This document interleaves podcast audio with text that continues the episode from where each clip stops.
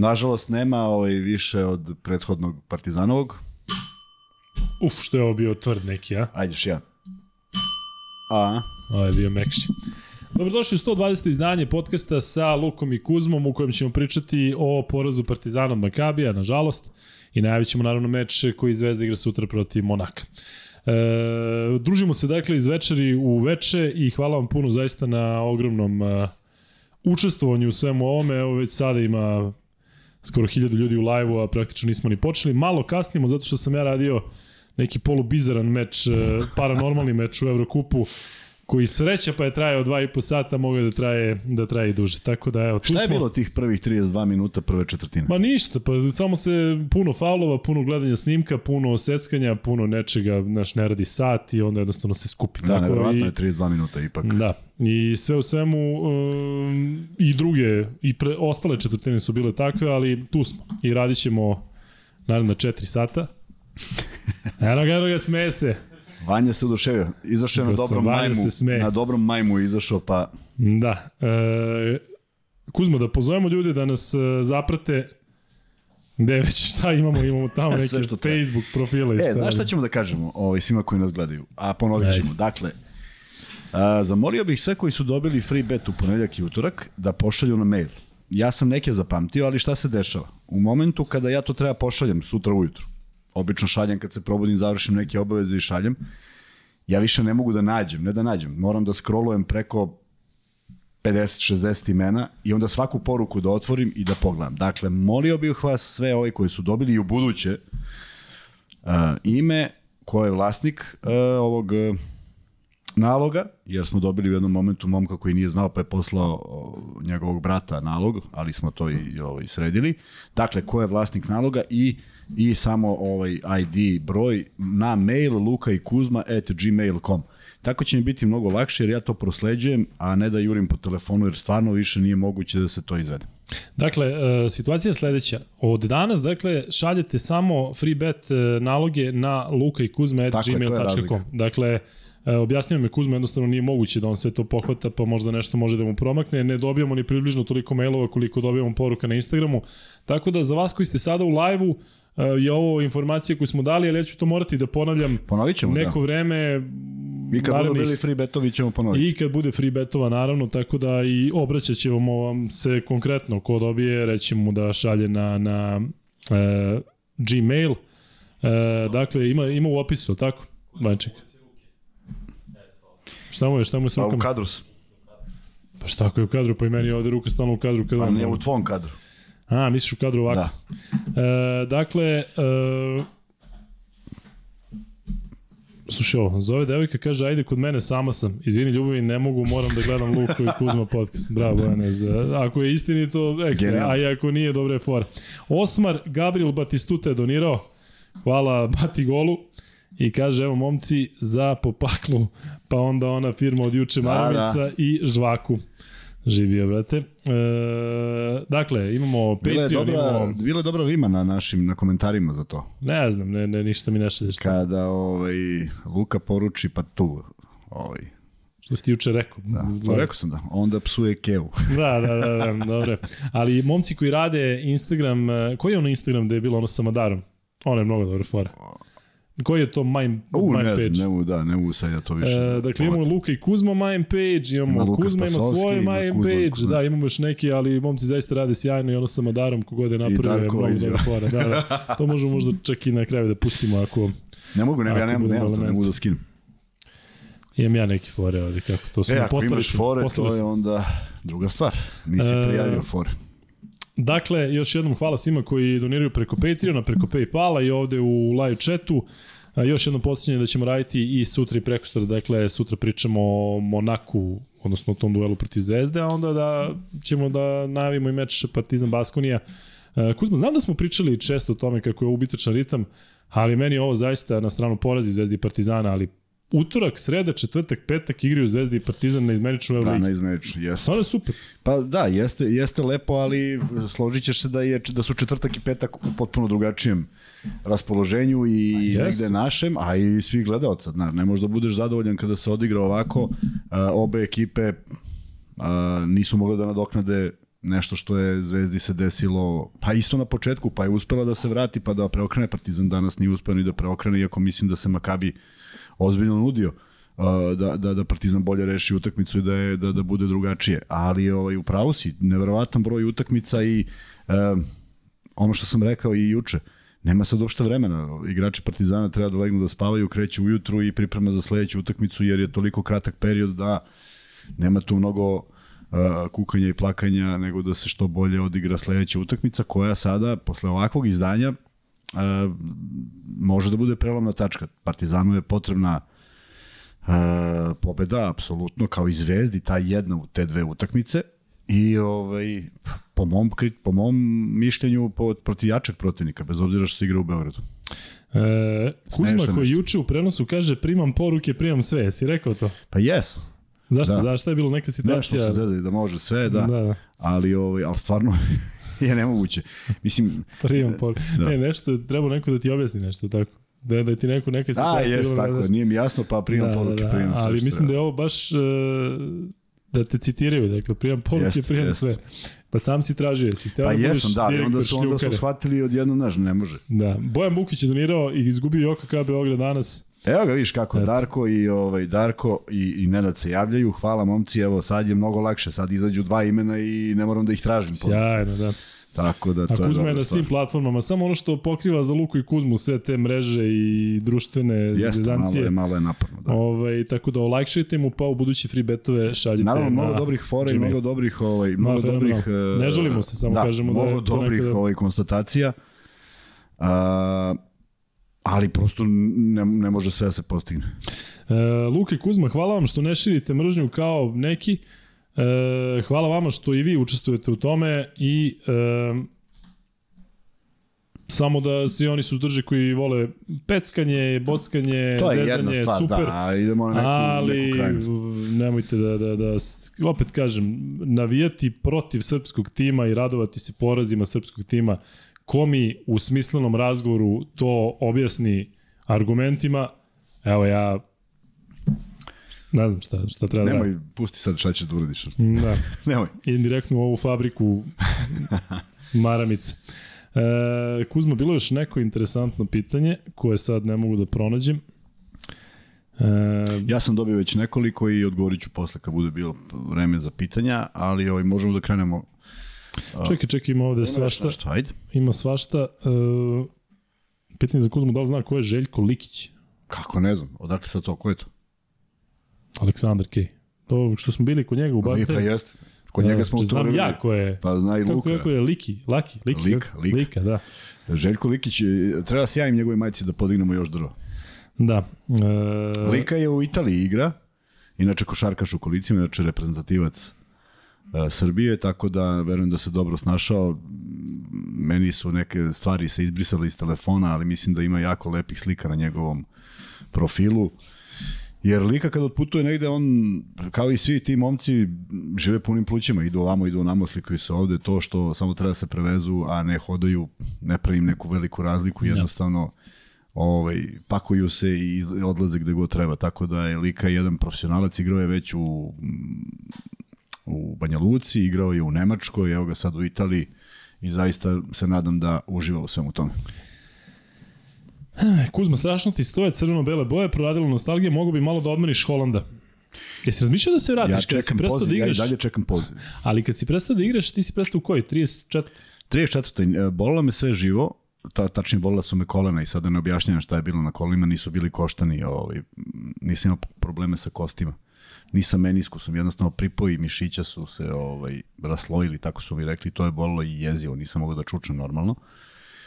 I ovaj, I onda sam želeo da pauziram, baš da pauziram i tako jedino bilo moguće da se to sanira. Onda je mnogo bilo interesantnije trčati za detetom nego sad razmišljati o nekom povratku. A prijao mi je u par navrata 2000, e, ja mislim 14. Kad me Milenko nagovorio da odemo na da, Evropsko prvenstvo veterana. To je bilo moje prvo i mislim u, u, ukupno gledajući jedino učešće. Ali smo osvojili bronzanu medalju i dao sam neopozivu ostavku Sim. na mesto trenera i igrača, pošto do tada nisu osvajali ništa i bilo je jako interesantno i pobedili smo Italiju, izgubili od Litvanije, bilo ih je šest, ali su igrali maestra. Ali bilo nekih imena ozbiljnih? Ne, ne, ne da ne da se da da mogu da ti Da. kažem nešto. Mislim da je Budivelj da je ovaj Ukrajina bila sastavljena od tadašnjeg pomoćnog trenera Budiveljnika i ozbiljno visokih momaka koji su igrali igrali neku ukrajinsku prvu ligu. Dakle, njih je bilo jedno trojica od po 2, 5, 6, na što znači to u tim godinama, mislim. Ne, Da. znači neprelaznost. E, mnogo pitanja, postavit ćemo neka pre nego što krenemo u klasičnu priču e, o Partizanu. Miloš Osendić e, donira, Miloše, hvala puno. E, da. Luka, šta misliš o Panterovi trojki sa preko 8 metara na minus 6, a Makabi u bonusu? Pa to da, ćemo, to ćemo da, pričati, ali to je- e, sa, ne sa druge da strane on je pogađao, pogodio je napad pre, pogodio trojku, pogađao je te šuteve. I onda se ponadaš da možda pogodi još jednu, dakle on to može da pogodi. Da li ima smisla, znamo svi da li ima ili nema, ali Um, ne znam, to je, to je, ne mogu da kažem hroničan problem, ali to je nešto na što smo navikli svi, dakle da Panter uh, šutira ako neko može da pogodi taj šut, može on. Da li je trebalo da uđe, pošto su ovi naravno bonus, naravno da je trebalo. Ali dobro. E, Um, evo ga, Milan se javio. Majstor. kaže? I kaže, primam poruke, primam sve je bilo za onaj faul na Nedoviću i Abuselevu, pa sam se pitao zašto je jedno bilo, a drugo nije. E, ne znam da li, e, ne mogu da se setim ko je juče, pa, moram da se vratim na to. E, mislim da je Jovanović, da li Milan, je Milan Jovanović? Ne, On je, Milan, nije, nije. E, ali mi je rekao da je poslao tebi sliku kako me Kisik e, na trojici nije nagazio liniju. Da, Danas su mi drugari ušli frame po frame, ušli su u analizu. Jeste. Dakle, nagazio je s tim što izgleda kao da nije zato što crna, crni deo je u stvari uh, patika, uh, dakle, John, koji i, na, i leva noga, dakle, isto postoji, dakle, kao onako mali crni deo i to delo kao da možda um, prostor između patike i linije, ali 100% nagazio desnom. ja ti novi, Jasno. ako nisi vidio. No, ponovo stiže, a? Ovi ako me ne tuže, ovi, ovi će nam ili biti sponsor ili će nam tužiti. Pa ja mislim da im je mnogo da, pametnije da, da, nas odlično, sponzoriš. odlično, odlično. Fenomenalno. e, I Gudurić nije, onda je izašao i frame da Gudurić nije nagazio ovu liniju. ja tako? Da, i to je da. izašlo, da, sa, sa mnogo boljom slikom nego što smo je mi videli. Ali, ovaj, e, pričat ćemo i o tome, naravno. U svakom slučaju, ćemo da krenemo ili imaš još pitanja? Ima svega i svačega, mada malo mi je ovde blokiralo. Ja da se zahvalim, ovaj, uh, evo ga, Darko poslao, Nenad poslao, Le, Leo Armando poslao, Za free bet. Ivan Pejić i evo ga još i Milin Jovanović, tako da skoro svi su tu i divno je što su To tu. su tako ovi da od će prethodnih dana, tako? Prethodnih dana, samo, Da, da, da. samo od ponedjeljka i utorka, Bravo, ništa više, sve hvala vam što ste, što ste E da, i Da, da. Nenad Kiš mi se javio, ti znaš ko je novinar, onaj jedan. Mhm. A, I pričali smo danas dugo, na 45 minuta, i kaže zašto je u 20.05. Zvao je, pošto ga je zanimalo. Himna u Izraelu se peva u 8. Znači, to je I to je zakon. to. Da, i to je kraj. A A, sad je moramo proverimo, koga zove prijatelja, novinar, aha. pretpostavljam. A sad moramo proverimo zašto je ona utakmicu 19.04, to moramo da saznamo. Da, pa sigurno ima nešto slično. Neka, Peva se neka Ne, ne, u smislu da neka simbolika postoji. Nije niko rekao ja ajde u 19.04 pa iz zna, neko pa to naš. Postoji verovatno neki smisla razlog. Možda isto himna, samo je kraća. Samo kraće i da, himna da. traje, da. E, samo prvu su. Imate e, preradu švedske himne u e, reklami Zlatan Ibrahimovića za najpoznatiju marku automobila iz Švedske. preradu. Fenomenalno, znaš kao, ali baš je onako urađeno je kao mm, malo bajkovito i Da, evo, zaista je dobro. moram da pročitam nešto našeg Ajde. gledalca Dušana, ovaj, zasmetalo mu i ja verujem, ali ja imam sreću pa ne čitam ti što to što ti čitaš i kaže imate jako puno rasista sa kom, u komentarima na live. Samo ne mogu da ukapiraju da ako jedan ima tima 8, a drugi 7, nema mesta za rasizam i potpuno je u pravu i meni se to apsolutno ovaj, ne dopada. Ne, naravno da se ne dopada, ja ovde vidim svašta, ali uh, Vanja jako brzo odreaguje, tako da ja zaista verujem u Vanjinu procenu, ljudi nemojte da se podbadate međusobno ili bilo šta. Um, ja ću danas da pokrenem jednu temu, zaista se nadam da neće biti shvaćena pogrešno, ali e, pričat ćemo malo i o tim ženskim sudijama u Euroligi. E, dakle, ovo je na, naravno najbolji poved, ova Ana Panter je super, dobro sudi, jedna od najboljih sudija iz Nemačke, međutim, e, da vidimo koji su argumenti zašto da budu ženski sudije u Euroligi. Recimo u 3x3 postoje ženski sudije, Jasmina Juras razvaljuje kako sudi, najbolje tvrdim u Fibinom 3x3, međutim tamo su drugačije pravila. Tamo ne smeš da pogledaš sudiju. Evo, argument, e, kako ja razmišljam. Dakle, Kuzma, ti reci ako grešim. Ne može trener da se ophodi isto prema ženskom sudiji i muškom sudiji. Ne može da opsuje. Ako ne di Bože kažeš neku psovku, PK, ti ne možeš da kažeš sudiji, ba, e, potpuno drugačije. A, ako skratiš, drugačije. možeš. Pa, ali stvarno. ŠKK, ti Da. sviraš to. I I onda, onda ona ne potpuno razume. menja, potpuno menja, uh, menja ti odnos prema sudijama, ne bi jest. trebalo, je tako? Pa ne bi trebalo, da, trebalo bi da se primi stoički. u Kao odbojci, i svaki drugi sudija. u odbojci ženski sudija ima smisla, tu nema kontakta i ovo, ali da. uglavnom su sudije ili su trenirali, ili su nekako povezani sa košakom, pa mogu da razumeju neke kontakte. Ovo se sve uči sa, sa TV. I ne znam da li je to možda uh, želja da se uh, dođe do nekog izjedna Mislim da Čenja, da. čega Mislim god. da da, video si na svetskom prvenstvu samo što se nije onesvestila u futbolu. Trči, Tako je. trči jadna i, stvarno, i odradila je dobar deo posla, ne mogu da kažem. Tako da ja nemam ništa protiv Panter kad sudi, ali danas je bilo dosta interesantnih momenta. U Turskoj i košaci je bilo, vjerojatno ima i dalje, mislim, e, e, kako se zove ona, Jalman, Zalman, e, dve, tri devojke koje sude, i jednostavno ni- nije to to. Posebno kada stave njih dve u na isto meč. Da, to je onda problem.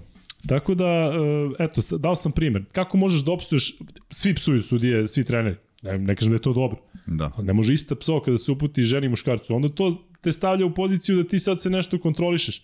Trebalo bi, ali mislim da to jednostavno nije nije, nije dobra stvar i opet kažem, ako je izjednačavanje bilo čega, da li ima smisla na taj način e, veštački, a sa druge strane, e, sa druge strane, ako zaista nema boljih sudija od e, Ane Panter u Evropi, onda je to druga vrsta problema. Ne kažem da je loš, ali opet kažem e, koja, je, koja je poenta. E, Vanja, ajde baš stavi ovaj pol. Rekli smo da se nećemo deliti na Partizanovci i Zvezdaše, ali evo možemo da stavimo, stavi, da li mislite da u Euroligi, u Košaci, u Euroligi ili Košaci, kako stavimo? Ajde stavi Euroligi, pošto je ovo konkretan primjer. Da li mislite da u Euroligi treba da bude Stavi u Eurolizi u padežu. ženski sudija?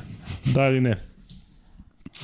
Tako da, mm, eto, to ćemo, sa tim ćemo da počnemo sa tim polom. Uh, 2000 ljudi u live-u, Kuzma, nismo još ni počeli da pričamo o Partizanu. Pa znaju da nismo, sad će bude još 2300. Tako je. E, evo ga, izašao taj pol. Kuzma, e, tvoj prvi utisci sa meča Makabi Partizan. Moj prvi utisak, nažalost, je da je, o, ja nadao sam se da neće biti tako, da je utakmica izgubljena u tih prvih 3 minuta. Ovde su još neki konstatovali. Dakle, I sve vreme je Partizan jurio od tih juriš desetak pa. ti juriš tih 10-12 poena koji su prelaki. I sada, Ko, samo te pitam, ko je kriv za tih prvih par minuta? pa nema ko je kriv, ne, da tvoj omiljeni igrač koji je bio na terenu. I, i pričat ćemo i o tome, ali vidi sad ovo. Ovaj, Jadranko Nikolić Loki je kondicijon trener koji je dugo radio u Partizanu i radio i u budućnosti. I kad smo odlazili na neke turnire gde su nas ovaj, možda malo spremniji u tim momentima, nije nas baš niko razbio, ali kad nas neko, kad neko domin, dominira iz bilo kog razloga nisi u formi ili si sad prekinuo pripreme, ovaj, on ima jedno vrlo jasno pravilo. Ne može da vodi i da te bije. Znači ne može da vodi i da on ima više faula. To se desilo Partizanu. Ne može jedan Makabi koji igra u prvih 7 minuta neverovatno brzo. Oni su da oni da su pogodili deo onoga samo u tom periodu. Bilo bi velikih problema. I još imaju, oni su još u bonusu, a Partizan nije. I to je do kraja utakmice bio ozbiljan problem kako napraviti neki konkretan faul. A, nije da nije bilo pokušaja i stvarno mi je delovalo u jednom trenutku da će Partizan kako je kako je uspeo završi poluvreme da da da, da se da se da se ovaj primakne kako se primakne tako dolazi neka neko rešenje koje nije adekvatno trenutku. E, Mnogi znaju na što mislim sigurno taj poslednji moment i poslednji voz. A s druge strane, jedna ekipa koja je od druge do treće trojke čekala jedno 20 minuta, da bi ta treća trojka bila najteži mogući step back van balansa na levoj nozi čoveka koji ne znam koliko je poznat po pogađanju trojke, ali to je bio najteži šut koji su oni imali za tri poena ubedljivo. I onda, e, onda to tako stvarno ide, onako, nemaš, nemaš čak ni malo sreće u tim momentima, međutim, mislim da je veliki problem ako smo juče pričali o Zvezdi, nedostatak tog još jednog igrača, da je ovde ovo jedna od najlošijih partija Lesora. Ne mogu da razumem zašto niti su gabaritni osim Niba, nisu to igrači koji bi njemu trebali predstavljaju problem, ali nije bio u svom elementu i to je nedostajalo Partizanu. I mislim da je to najviše nedostajalo zato što su neki poeni i Pantera i Egzuma i na kraju Avramovića bili dovoljno dobri, konkretni i šteta što nije potrajalo, ali videli smo opet od, od 3-4 dobra poteza, pa onda dva loša i tako klackalica tokom cele utakmice. Tako da mi je prvi utisak da Partizan nije smeo dozvoli da jednostavno uh, Makabi odigra tako, stekne samopouzdanje koje su toliko zloupotrebili, jer oni su šutirali posle iz svih pozicija trojku, i ko treba, i ko ne treba, i, i sreća po Partizan pa nisu pogađali, inače to su bili mahom otvoreni šutevi, i ovaj, I nekako, znaš kad imaš onaj osjećaj da, da, da, da, da je jako teško da može da se prelomi. I Partizan faktički nijednog trenutka od tog momenta, od početka utakmice nije nije bio blizu da, da prelomi utakmicu, što nisam očekivao iz prostog razloga što su što smo pričali o Madaru, očekujemo neku ozbiljniju utakmicu, na kraju se ispostavi da on je dva i po minuta proveo na parketu. Naneli takođe, to je već minus dva. E, nismo videli, e, videli smo Smajlagića 2-3 minuta, to je minus 3, Vukčević minus 4, e to je onda ozbiljan problem. Jer stvarno ne može da se da se igra na, na tom nivou u kontinuitetu. Neću da upoređujem. Obradović sigurno zna zašto je to radio, ali onaj moment kada u Zvezdi uđe petorka koja mora da rastereti te prve igrače, prosto to je jednostavno shvatanje da to mora. Ne samo zbog te utakmice, nego i zbog utakmice koja sledi. Uh, Tako da ostaje nedoumica i to su, veli, to su mnoga pitanja naših ovih gledalaca i, i putem Instagrama. Zbog čega? Zbog čega tako? Ja, ja ne mogu da razumem, ali kažem, toliko imam respekta prema Obradoviću da ja verujem da on zna. Mada ne znam kako pedagoški izgleda kada Jan Madar krene u utakmicu i onda ga nema do kraja. Da, to sigurno nije bilo uh, planirano. A ja o tome pričam poslednjih nekoliko meseci, ništa nemam od toga da kažem, eto, sad sam u pravu ili da likujem, ali uh, preveliki je rizik da imate uh, dečka koji igra na poziciji playa i ako napravi tri greške u prva tri minuta ne može da igra do kraja. To menja taktiku. Ja sam siguran da je ovo bila neka opcija B ili C, da je drugačije planirano da se, da se, da se igra. I ako je to ok za ABA ligu, gde na 30 i 40 razlike vi možete da istrpite, to se dešava u ABA ligi često, sami znate, dakle, dešava se u Euroligi, da Trifunović uđe, Vukčević uđe i napravi možda neku grešku izađu, ali to je tokom utakmice i ne računa se na njih da igraju po 20-30 minuta u normalnim uslovima. I kada vi imate jednog jedinog pravog pleja u ekipi i koristite ga 3 minuta i vratite ga na klupu i to se ne dešava prvi put, već se dešavalo i ranije, i u ABA ligi i u Euroligi, e onda je to problem. Ovde je neko pitao da li imamo informacije da će neko doći u Partizan, ja koliko znam neće više doći niko. E, koja je pozitivna toga i šta se dešava, to je sad potpuno neka druga da. priča, ali e, da će biti pojačanje neće. E, čuli smo svi onu izjavu da se Željko pita, to je rekao predsednik Partizana, rekao ako se Željko pita, ako Željko hoće pojačanja, uh, dobit će ih sigurno. E, baš bih volao da vidim da, da Željko iđe i kaže ne, ne treba mi pojačanje i onda završimo svi ovu priču. Ali bojim se da, da tu ima mnogo prostora za, za za sve i svašta. E, mnogo lajkova, već ima Kuzma 492, Iha. tako da nisam ni pozvao na lajkove. Sad pozovim, sad će da. da padaju. Tako da evo, pošto je... E, pošto je skoro već 500, možemo sa freebetom. Možemo sa prvim freebetom, imaš ti neki, hoćeš ne, nešto, šta je pisalo u knjizi, ja o Red Hot Chili Peppers. To ću, to ću posle, to je za treći, da kad svi onako pod, zadremaju da ih razmrdam. E, Sećaš se kad sam postavio pitanje kako nam ide mail, pa onda nisu mogli da upišu mail nego nešto nije moglo da izađe. Tako da to neće, to je bilo pre zilijan podcasta, ali nećemo nešto slično. Hoćeš prvi, hoćeš prvi Red Hot Chili Peppers? Hoćeš? Da stvarno hoćeš? Bo hoću.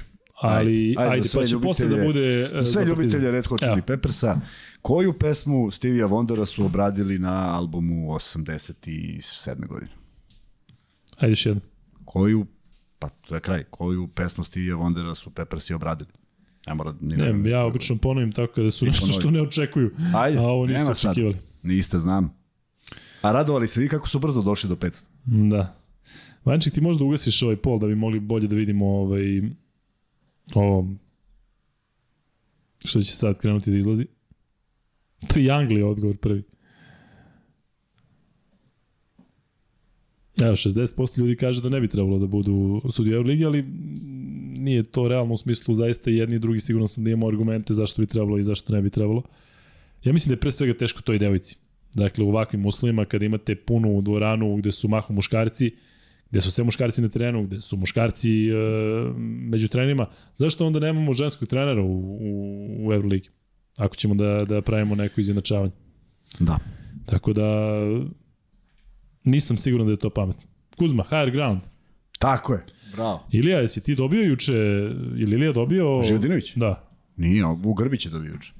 Jel tako? Ilija, Aha. dobro, ne bi Ilija zezao. Ilija, ti si dobitnik prvog free beta, tako da e, čus i za sve vas ostale, dakle, sada se free betuju, odnosno max bet nalozi šalju na Mail. luka i kuzma at gmail.com, zato što je mnogo lakše, dok Kuzma pronađe e, na, na ovom e, na Instagramu prođe, prođeš na mečevi i nema uplate, tako da će sada verovatno biti mnogo, mnogo lakše. E, Kuzma, da se vratimo na utakmicu e, Makabi Partizan, pričali smo juče o tome zašto možda Nedović ne počinje kod različitih trenera, ali e, već dugo Panter ulazi sa klupe, znamo kakva je njegova produkcija u napadu. Lesor, koji je igrač sa najvećim minutažom i sa e, najvećom energijom Partizanu počinje sa klupe, Exum počinje sa klupe, Je to opet neki deo taktike zato što ako je Makabi napravio u prvih, prva 3 minuta 10-0, to je direktno povezano s ovom petorkom koja je nespremno izašla na parket, a iznenađujuće.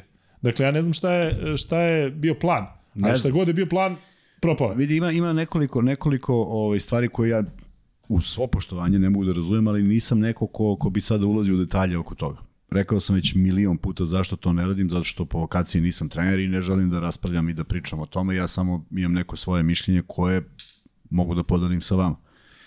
I delim, delim jednu, jedno pitanje koje sam postavio već nekoliko puta, zbog čega se insistira i dobio sam ta pitanja naravno. Zbog čega se insistira na preuzimanju apsolutno u svakom bloku, apsolutno u svakoj sekundi napada? Ja bih volao da znam. Dakle, nemaš čak ni muku da malo se pomučiš, pa, jer, jer ipak u toj nekoj rotaciji kada, ti, kada te pročitaju i znaju da ti preuzimaš svaku, doći onaj poslednji koji neće moći da se preuzme. I videli smo Egzoma u jednoj vrlo nezavidnoj poziciji na utakmici. U onom periodu kad je imao nula faulova pa je napravio na zakucavanju na Nibu, pa onda kad je imao već tri, kad nije smeo da izađe iz igre, kada je bilo lako polaganje ispod koša, dakle, u ozbiljnom si problemu, koliko god on bio čvrst, jak momak, jednostavno, videli smo juče, na utakmici protiv Reala izuzetno čvrste i jake momke koji protiv Tavaresa deluju kao da stoje i gledaju. Prosto tako izgleda negde i kada, kada je taj Nibo ispod koša, da ne budemo baš, da ne preterujem, ali egzom Nibo je kao i Mitrović Tavares, taj neki odnos. Prema tome, uh, to je veliki problem jer se lako rešavaju neke stvari. Mnogo lakše nego što bi trebalo da se reše. Pa neka se rizikuje nešto. Ako je već šut bio toliko loš, pa ajde da se rizikuje makar to a ne da se još pomaže da, da, da si stalno u problemu sa, ovaj, na preuzimanju. Ja ne mislim da Leso radi loš posao na preuzimanju, daleko od toga. Ali taj Brown uzme šut preko njega, izbaci ga, vrati se step back i šutne. I on da trojku. Ko je bio na njemu, potpuno sve jedno. Ako je, ako je Lesor trebao nešto da oteža, nije ništa otežao. A bilo je mnogo propusta u reketu i a, zaista mislim da jedina svetla tačka u kontinuitetu na utakmici bio Ledej. On je od početka utakmice iskakao i uvatio neke lopte u napadu koje je pretvorio u koševe i radio sve i svašta, postavljao se u napadu baš, baš, baš sve. Svi ostali sa dosta oscilacija i sa a, a, nekim stvarima koje ne bi trebalo da se dešavaju na utakmici koju želiš da pobediš. Naročito ne u gostima i uz jedno suđenje koje je bilo za svaku priču, ali mislim da su Partizanu lopte uzete negde pred kraj, što je u stvari postoji taj problem. Nekako, nekako te možda ti daju nekoliko lopti, a onda kad treba svi se prave ludi. Tako da, ali to je potpuno, to je, sa tim očekivanjem ideš na utakmicu u, u, u gost. Uh, to je bilo to što, što, što je nedoumica, a naročito što ne mogu da sada razumem da li ću ja stvarno, da li bi ja stvarno bio motivisaniji na, na utakmici preksutra sad kad uđem u igru, posle ovih tri minuta prvih na parketu. Da li ću ja stvarno biti motivisaniji? Da. Šta god da mi kažeš, da mi kažeš najfinije moguće, da li ja stvarno imam taj motiv da odigram slobodno? To je pitanje. Ali stvar slobode ili je stvar uh, grešaka? Čega god, čega god, čega god. Ponovio sam grešku, ok, ali, ali uh, možda sam mogu da napravim nešto, nešto dobro. Ali ne ono možda, znaš, imaš 12. pa kao nikad nije ušao, pa ajde da probamo i njega. Ipak su ovo igrači koji imaju svoju minutažu. Ali zašto toliko ja ne mogu da odgovorim. Mislim da je bilo prostora i tekako za njihovu igru.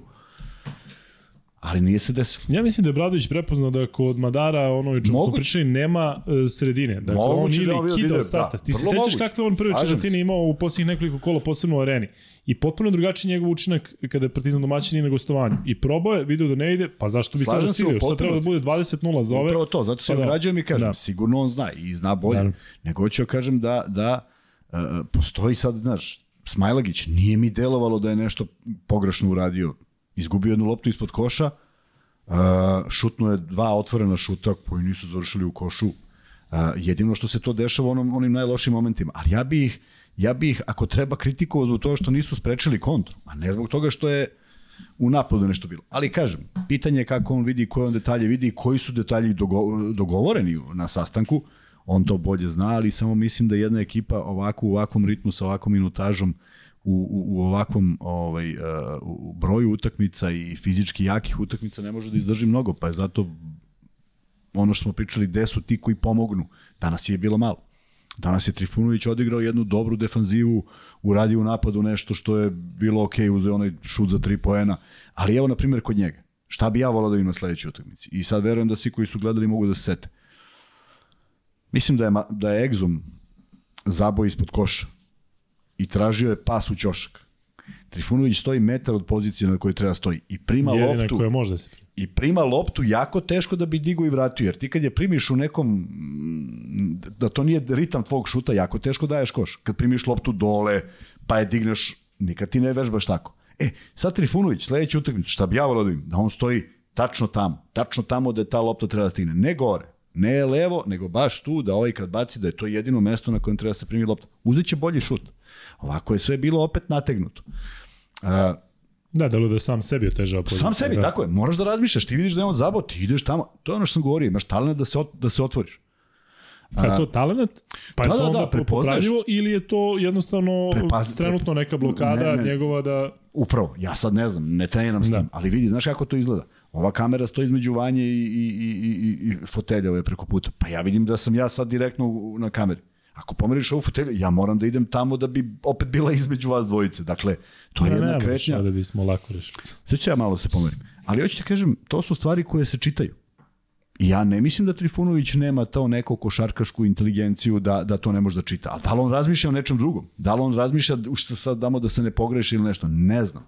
Ne igra opet slobodno, mada mislim da je danas koliko toliko odradio korektan posao, makar u odbrani ovaj, što se tog dela tiče. Ljudi, 2300 ljudi u live-u, uh, vidim da ovde uh, neko insistira na tome da bude pol za Sašu Obradovića kako je dočekati uh, Ljudi, ja sutra, ali to ja- ćemo, ja to ćemo stvarno, ako ovaj- bude, to ćemo kasnije. Dakle, Ali ja stvarno da Kada pojasnim, budemo o kad sam rekao na utakmici Partizan Monako da treba se zviždi, ljudi, ja ne mislim da bilo kom igraču koji igra za reprezentaciju Zvezdu te Partizan. da ne, se ne, samo da pojasnim, da ne bude da, da, da ja očekujem. Meni je žao što je on zvižduk je dobio i na Zvezdinoj utakmici. Neko to pamti ovako, neko onako. Ja mislim da sve to nekako kako sezone prolaze treba se zaboravlja, to je posao. Ne mogu da sumnjam u emociju Obradovića, u Saša Obradovića prema Zvezdi, kao što ne sumnjam u Obradovića Željka u njegovu emociju prema Naravno. Partizanu. Prema tomu, to su neke stvari koje su u, zauvek zapisane i neće se nikad promeniti, a ajde da pokažemo da ovaj, možemo da, da, da po, pozdravimo. Mi, meni deluje da navijači Partizana i Zvezde više pozdrave neki igrače koji su igrali godinu dana tu ovako ili onako i kao to je lepo. Pa šta je lepo? A ovog što igra za reprezentaciju iz drugog Tako tabora da. treba ga vređam. I donao sve i svašta i uradio sve i Tako je, svašta. mislim, potpuno Um, ljudi, volio bi se vama da ostvarimo dva jubileja, dakle da dođemo do 14.000 subscribera i da dođemo do 3.000 Kuzma, tako, na Instagramu. Tako da ako... A to mi je, ma, sad, je, sad sam dobio poruku da je 3000. Ili jeste? Da, Nemoj izvesti. da, da. Eto, još baš razmišljam, čemu pričao je čovjek? A znam ga, mislim, dopisivali smo. 3003, ej. Bravo, eto, Znači, onda je, kako, re, kako reče, Matija Ružić, ili tako reče? I vidi koliko imamo trenutno subscribera, ako prebacimo 14.000 možemo da častimo ljude i nemoj da Čuti, kažeš, bre, nemoj, da, nemoj da kažeš Vanja, ali možda radimo i malo duže nego što smo radili. da. A i mogli bismo da ubacimo Maksim, još jedan Maksim Ružić. bet. Maksim Ružić šalje poruku, pratilac broj 3000. Razmišljam, gde je 3000, uopšte nije sinulo. Bravo, Maksime. A evo sad da kažem koliko imamo na, ovaj, na ovome. A ako dođemo do 14 soma, ubacit ćemo neku nagradu. 13.872 Ma da, lagano, Ma, 14 to ćemo ovako, za pošto imamo skoro 2500 ljudi u live-u, za pola to sata. će biti lagano, a naravno kad dođemo do 1000 lajka imamo onaj redovan uh, drugi, drugi free bet. Kuzma, što se tiče Makabija, pre nego što pređemo na igrače Partizana i na još neke stvari u vezi Partizana, ali tebe Makabi oduševio uh, večera zato što Ne. ovo je potpuno drugačija utakmica od onog Beogradu kada su jedni i drugi igrali dobro. Je utakmica bila mnogo teža za gledanje, iako je, ajde da kažem, približno isti broj poena u smislu da je bila efikasna utakmica, ali ovo nije bila baš, baš, baš meč koji će se pamtiti.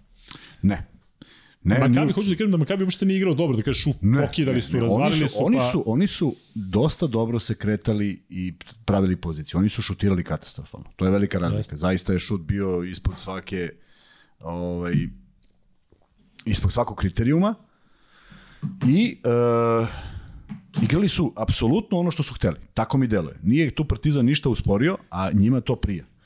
Uh, nažalost, moram da konstatujem da čovjek kojeg nisam i, i dalje imam ovaj, rezerve prema njemu i odigrao jednu fantastičnu partiju, ponovo. Lorenzo Brown nije ni, približno kvalitetno čuvan kao što je bio James, a ne vidim da su nešto preterano drugačiji, čak mislim da je James u mnogim fazama napada opasniji od Lorenza Browna, međutim, da li nešto što se dogovorili nije urađeno ili je tako zamišljeno, zaista ne znam. U svakom slučaju da nije bilo njega, pitanje kako bi se ovo sve završavalo, bez obzira na premoć u, u pozicijama, u otvorenim pozicijama za šut, koje nisu ušle iz razloga koje treba da misli Makabi. To uopšte ne treba nikog da zanima. Ali najgore je što su ušle one koje moraju da uđu. Ne može baš da ostanu na dve prve. Dve prve su dali i ne može sad to traje 40 minuta da niko ne pogodi. Ušao Adams pogodio i tu je onda već pojao onaj mali pogodio. Kad smo kod Još Brauna, koliko ima veze to što je briljirao na Ma da, je prvenstvu, došao i dalo, zato što mi se čini da kod je. nekih igrača učinak na Evropskom prvenstvu ih je ozbiljno unazadio uh, što se tiče evropske karijere. Ovi što igraju u NBA ligi, Luka, Nikola, Da, Janis, da, ništa to. oni drugačiji odnos Da. imaju. Dakle, oni su došli da, da, Da, da, da. daju svoj maksimum. Slažem Nije se, prošlo, idemo procentno. dalje i ovo. Ali recimo, taj ponitka, taj ponitka koji je imao triple double protiv Slovenije, on je stao u polufinalu i meču za treće mesto i ne može da se oporavi nikako i dalje. nikako. I to je jedan od primjera, Ima ima dosta tih... ogromno, da. Tako je. Video si, ne, recimo, neki su baš i doveden je eksplodirali. kao takav igrač. Tako je, tako je. Tako da sigurno da je to Brownu dalo, e, zato što svi me pitaju, svi me pitaju, ali bilo je pitanje kao zašto Brown nije bio ovako u Zvezdi? To je, ja nikad izgovorio tu reč ne bi, a Darko još manje onu čuvenu. Ali stvarno nije bio. Zaista nije bio. Nije bio ni približan organizator, ni približan egzekutor. Jednostavno nešto mu se sklopilo sa... Ali nije imao takvu slobodu u igri. On U, imao ne, ne, u Zvezdi, nije ne imao ne slobodu se- kao ne. recimo u španijskoj ne bi se reprezentaciji. složio. Ne U smislu možda radi šta god Ma hoće. ja mislim da on mogu da radi šta. Pa on samo da krene da radi šta treba, možda radi kad, koliko god hoće. Ali, o, u, Ali su izbori, izbori navijači i ostalo odmah reaguju. Drugačiji odnos kada ti u Zvezdi promašiš tri puta za redom ili ovamo Pa gde imaš ako- osam, osam drugara re, zemljaka. Jeste, ali radio sam utakmice da on ima 4-4 ulaza 2 bez šansi da ga neko brani, a u isto onda, a onda reši da šutne 4 trojke. Onda se Da. pitaš u čemu je fora. Dakle, sad je igrao izuzetno racionalno. Sve što je uradio, je uradio kako treba. I očigledno popravio šut. Nije on baš bio neki dugodvojkaš i, i, i trojkaš uh, kad je bio u Zvezdi. Ali izmišlja neke poene, Uh, ono što mu je najjača strana, što izgleda savršio, prosto ne gubi loptu. On čovjek dribla sa takvom sigurnošću, da li je Lesor na njemu ili je, ili je Avramović i bilo ko, ta lopta je tu i prijemu to nadigravanje, kad naskoči na dve noge stvarno zna da napravi ozbiljan problem. Tako da, jeste bio idejni vođa ove ekipe, ovo sve ostalo je malo ona, ona košarka trči, Gaša Pavić trči, šutira i pucaj, što bi rekao. Ovaj, I nije da mi se dopada, ali oni tako igraju i video si kad se rašire u strelce, svi uzimaju šute bez razmišljanja. Stvarno sam mislio da se da da da da je ovo prilika da pošto su u užasnom šutu. Pa video si onaj momenat kad je neko uzeo loptu i šutnuo posle svih promašenih trojki sa 8 metara, kao sad će ova da ući, sad će da prelomi. Neverovatno šta se dešavalo. I ovaj I zaista sam mislio da će Partizan to znati da iskoristi. A onda dolazi taj moment koji moram da pređem, koji me naravno iznervira, kao i verovatno većinu ovaj, Partizanovih navijača. Ostalom dobio sam bar pet poruka iste sekunde. To je, to je na šest razlike. Dakle, mi smo Uh, u košarci smo učeni da kada si na šest razlike smanjuješ polako ako ima vremena, a minut i po i, i, i, i tekako dovoljno vremena, pogotovo u savremenoj košarci da napad možeš da presečeš timeoutom pa kreneš polovine i završiš ga za jednu sekundu. To nekad nije moglo. U krajnjem slučaju u naše vreme je vreme, vreme od- otkucavalo, pa, te, pa se i tu skraćivalo. Prema tome, uh, šutnuti trojku sa 8 Kako metara, više otkucavalo? Čuo si tup, tup, je tako? Šta tup tup? Pa nešto, kako je otkucavalo? A ne, nije se zaustavljalo. Ja, to ne Pa to si ga trošio, da, da, o, isticalo je, nije, nije, Da, ali uvijek si imao, ranije mi se čini da je kada je u dvoranama si imao uvijek nekog odbrojavano. Pet, četiri, Imao si lupa, tri, lupa u sto kada tako da, da, tako on je, lupi tako u pa da. Pa znaš da su bili semafori, ja znam da ovim mlađim generacijama to deluje nadrealno. Da. Jedan u jednom ćošku, drugi u drugom, dok ga nađeš, prošao napad. A sad, sad gledaju u semafor sa Da. svih strana i istekne napad, a on ne vidi. To je prilično nejasno, ali za neku drugu, za neku drugu priču. U svakom slučaju, taj moment gasi sve nade. Bez obzira što je minut i po do kraja. Tu je naj bolje rešenje. Stuštiš se na koš, svi su u bonusu. Ako pogodiš, a i napraviš faul, čemu su igrači Rea, Rea, Makabija skloni, pa onda si još i profitirao. A pritom si be, nepogrešiv sa linije slobodnih bacanja. Dakle, to su dva sigurno poena. Prošlo je samo 3 sekunde, jer ti od mesta na koju si primio loptu do koša treba 3 sekunde. Ma kakvi 3, treba ti dve. E, to su neke, neke nevjerojatne stvari. Ja znam da je to dobar osjećaj da si ti sad pun samopouzdanja, ali to je daljina, to nije šut sa linije za tri. Jer svaka daljina, što duže, veća je šansa za kritiku. Da šutneš sa linije za tri i šutneš i promašiš, kažu bio sam i promašio, uradio sve što treba. Ali ovo deluje malo, daj čoveče malo negde bliža pozicija. Je li imaju opravdanje oni koji dolaze iz NBA ligi, zato što mislim da je Nedović, Nemaju. kada je otišao u NBA ligu, šutirao normalne trojke. Kada se vratio iz NBA ligi, jednostavno treniraš tamo da šutiraš sa 7-25 i njemu je možda to i normalno. A opet imaš više prostora. Ili ima to nekog, nekog smisla? Nemam ništa protiv da, da je to igrač koji je u 50% šuta, pa je da. nek šutira odatle. Ali u, utak, u momentu kad se lomi utakmica, aj samo da zamisliš hipotetički. Znači, sediš kod kuće i razmišljaš jednog dana kad budeš igrao košarku, kako da rešiš utakmicu. I zamisliš ovako šest razlike i ja trčim kao, kao lud u kontru i dobijam loptu. I šta uradim? Pa valjda ide neki racio, racio u glavi i kažeš idem na prodor jer sam brz, jer sam skočan, jer sam ovo, jer sam on. Bez obzira koliko si, to nije bila dobra pozicija. Nije on primio poziciju u nekoj fazi mirovanja. On je u naletu. E, voleo bi da gledam Partizanu, Zvezdin trening, voleo bi da gledam kako šutiraju. Mi smo imali neke pozicione, a imali smo i neke vežbe kad je iskretnje. Volao bi da vidim koliko puta je šutno u punom trku. A jesi više pristalica da se treniraju te realne situacije? Pa da, ne, da, da, da, jesam. Ne možeš da treniraš, ne možeš ti šutneš 200 lopti u realnim situacijama, možeš samo da se onesvestiš posle toga, pošto zaista je zahtevno. Ali približno. Približno da, ali ovo su momenti koji se redko dešavaju. E sad, ja kad bi otišao na trening Partizana, neko me pozove, ja pogledam, a on uzme ovako 20 subačaja, zaleti se, zaleti, naskoči na 8 metara i pogodi tako 20, 18, ja bih rekao, izvini, ovo je racionalno šut u bestraga, samo tako nastavi. Ali nije, nije 100%. Um, Kuzma, ajde proveri kako stojimo sa ovim subovima da imamo da li ovo što radimo ima smisla. 772 lajka, što znači da smo na 228 od 1000, što znači i drugi free bet. Stiže? Stižu poruke, razvaljuju, ja? Slušaj, Kako ste osveženje u ovom civilu oko nas? Velika podrška za sve što radite, pozdrav iz Leskovca. Žena me stalno smara i pita šta to tako pomnom gledam skoro svakog dana. Hmm. A ja napišem pozdrav za Dragu, dobro si izabrao. Ladno je, kažem, evo sad će Kuzma da uzme telefon i otvori moju poruku. Ona ne veruje. da, i ovaj, ovde gledam... su tražili, traže neko da pozdravim nekoga, ali ljudi imajte razumevanje, mnogo brzo idu poruke i ja da. moram malo i da pričam s Kuzom i da gledam u njega. Dakle, tako da pitanje ostavite za kraj segmenta o Partizanu, pa ćemo onda imati pitanja za kraj segmenta o Zvezdi. E, neko mi je takođe poslao da ga pozdravim, ja bih im pozdravio, sam se zaboravio ko je već. Ba, verovatno isto neko ko je ovde, ali Ali dobro. E, vidi kako stojimo sa subovima, da vidimo da li ćemo proslaviti 14.000 da ubacimo još jedan free bet i da radimo Subovi. do jutra. Subovi. Šta kažeš? 13.910. Još 90! Još 90. Za 10.000 ti oni kada je upao za godišnicu, tada smo otvarali šampanjac, je tako? Jeste. Pa je bilo sad ga nemamo, sad nemamo. potpuno smo nespremni. Tako je. Uh, Ali ćemo otvoriti, na primjer, ovaj... Ali da pukne ovaj. Da pukne ovaj. Da. Čep. Uh, Kuzma, zanima me kraj utakmice. Uh, meni je žao što se više nije obratila pažnja na tu razliku, zato što je Partizan dobio e, Makabi u Beogradu osam razlike, sad je izgubio devet. A, a ne bi me čudilo da Makabi i Partizan možda na kraju da se, da se bore za, za, za to osmo mesto u, u Euroligi. E, žao mi što Partizan naravno nije dobio ovaj meč, pa da obe ekipe imaju skor 9-9, ali koliko je bila bitna ta razlika na kraju da se zadrži koncentracija i da, da se čuva tih osam iz Beograda? Zato što nije nerealno. To se radi. Nije ako Mesina, ako Mesina nerealno. ovde mogao da priča onom poslednjem napadu protiv Zvezde, hipotetički šta može da se desi ako Makabi beži dve, dve pobede Partizanu, Uh, I to su te pozicije otprilike jest, jest. uđeš, izađeš iz 100%. Jeste, jurili su, jurili su i uradili su, ovaj, otišao na dva i sad mnogi su pitali uh, čemu dva? Ako je, ako je Avramović otišao na dva, što ima rezona jer ima ipak da. malo više, onda je morao da bude faul a onda su zakasnili sa falom, jer onda nema nikakav smisla, ne treba ti dva da bi bilo devet, kao što se završilo. Dosta konfuzije u svemu tome i ja mislim da, sad, aj sad ovako, zamisli da ne uspevaš da objasniš da ovo nije bio e, rezonski šut.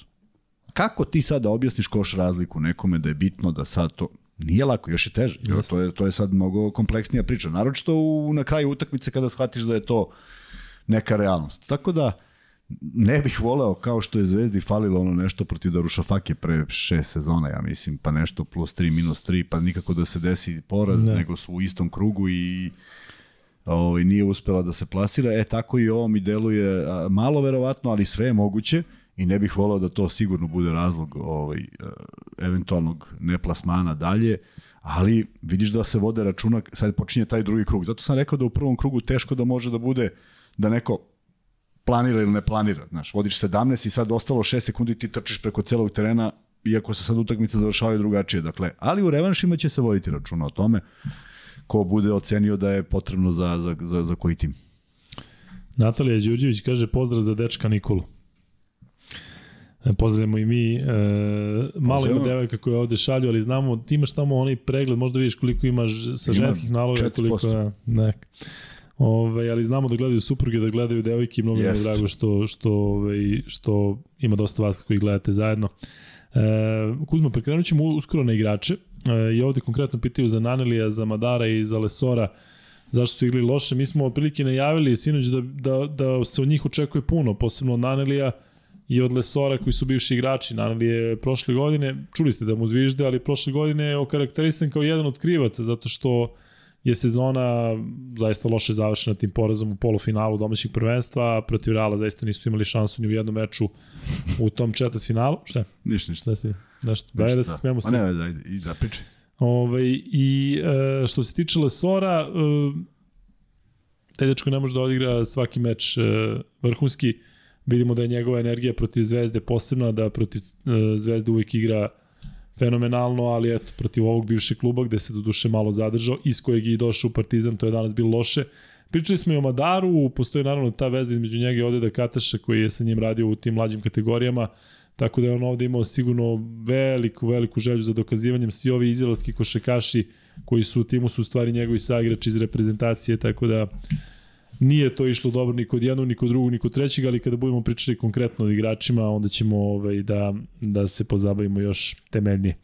Kuzma, imaš nešto da dodaš? Ne, nemam, nemam. Idemo dalje. E, idemo onda na igrače. Što se tiče Partizana, e, košarkaš koji je statistički gledano bio najbolji, i zaista jeste, to je Kevin Panter, 22 poena, 2 skoka, 3 asistencije, 3 od 5 trojka, 5 od 5 sa penala, 4 od 6 za 2, sve to izgleda dobro, ali bio je u igri u završnici Jel misliš da, da sada kod Obradovića postoji ta neka veza kako igra, pa ga onda drži, drži na kraju, pošto znamo da je neki mečeve presedano klupi kada se lomilo, posebno u crnoj seriji, crnoj seriji Partizana. Na koga misliš, na? Na Panter.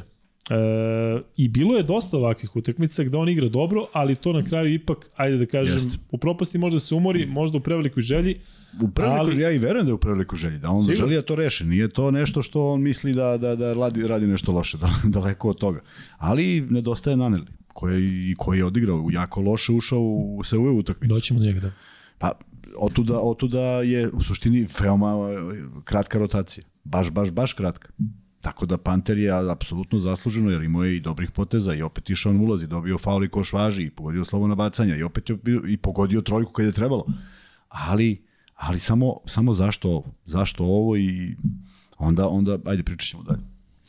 Um, A si krenuo od Pantera? Da, da. Nije pa. bio loš i defanzivno, mada je napravio brzo tri faula i to je jedan od razloga kad je morao da izađe. I ja mislim da je to bio vrlo ovaj, dobar moment za faul. Nije to bio faul i ko što je bio faul i jeste treći, jeste možda trebalo da bude malo u boljoj poziciji, ali uh,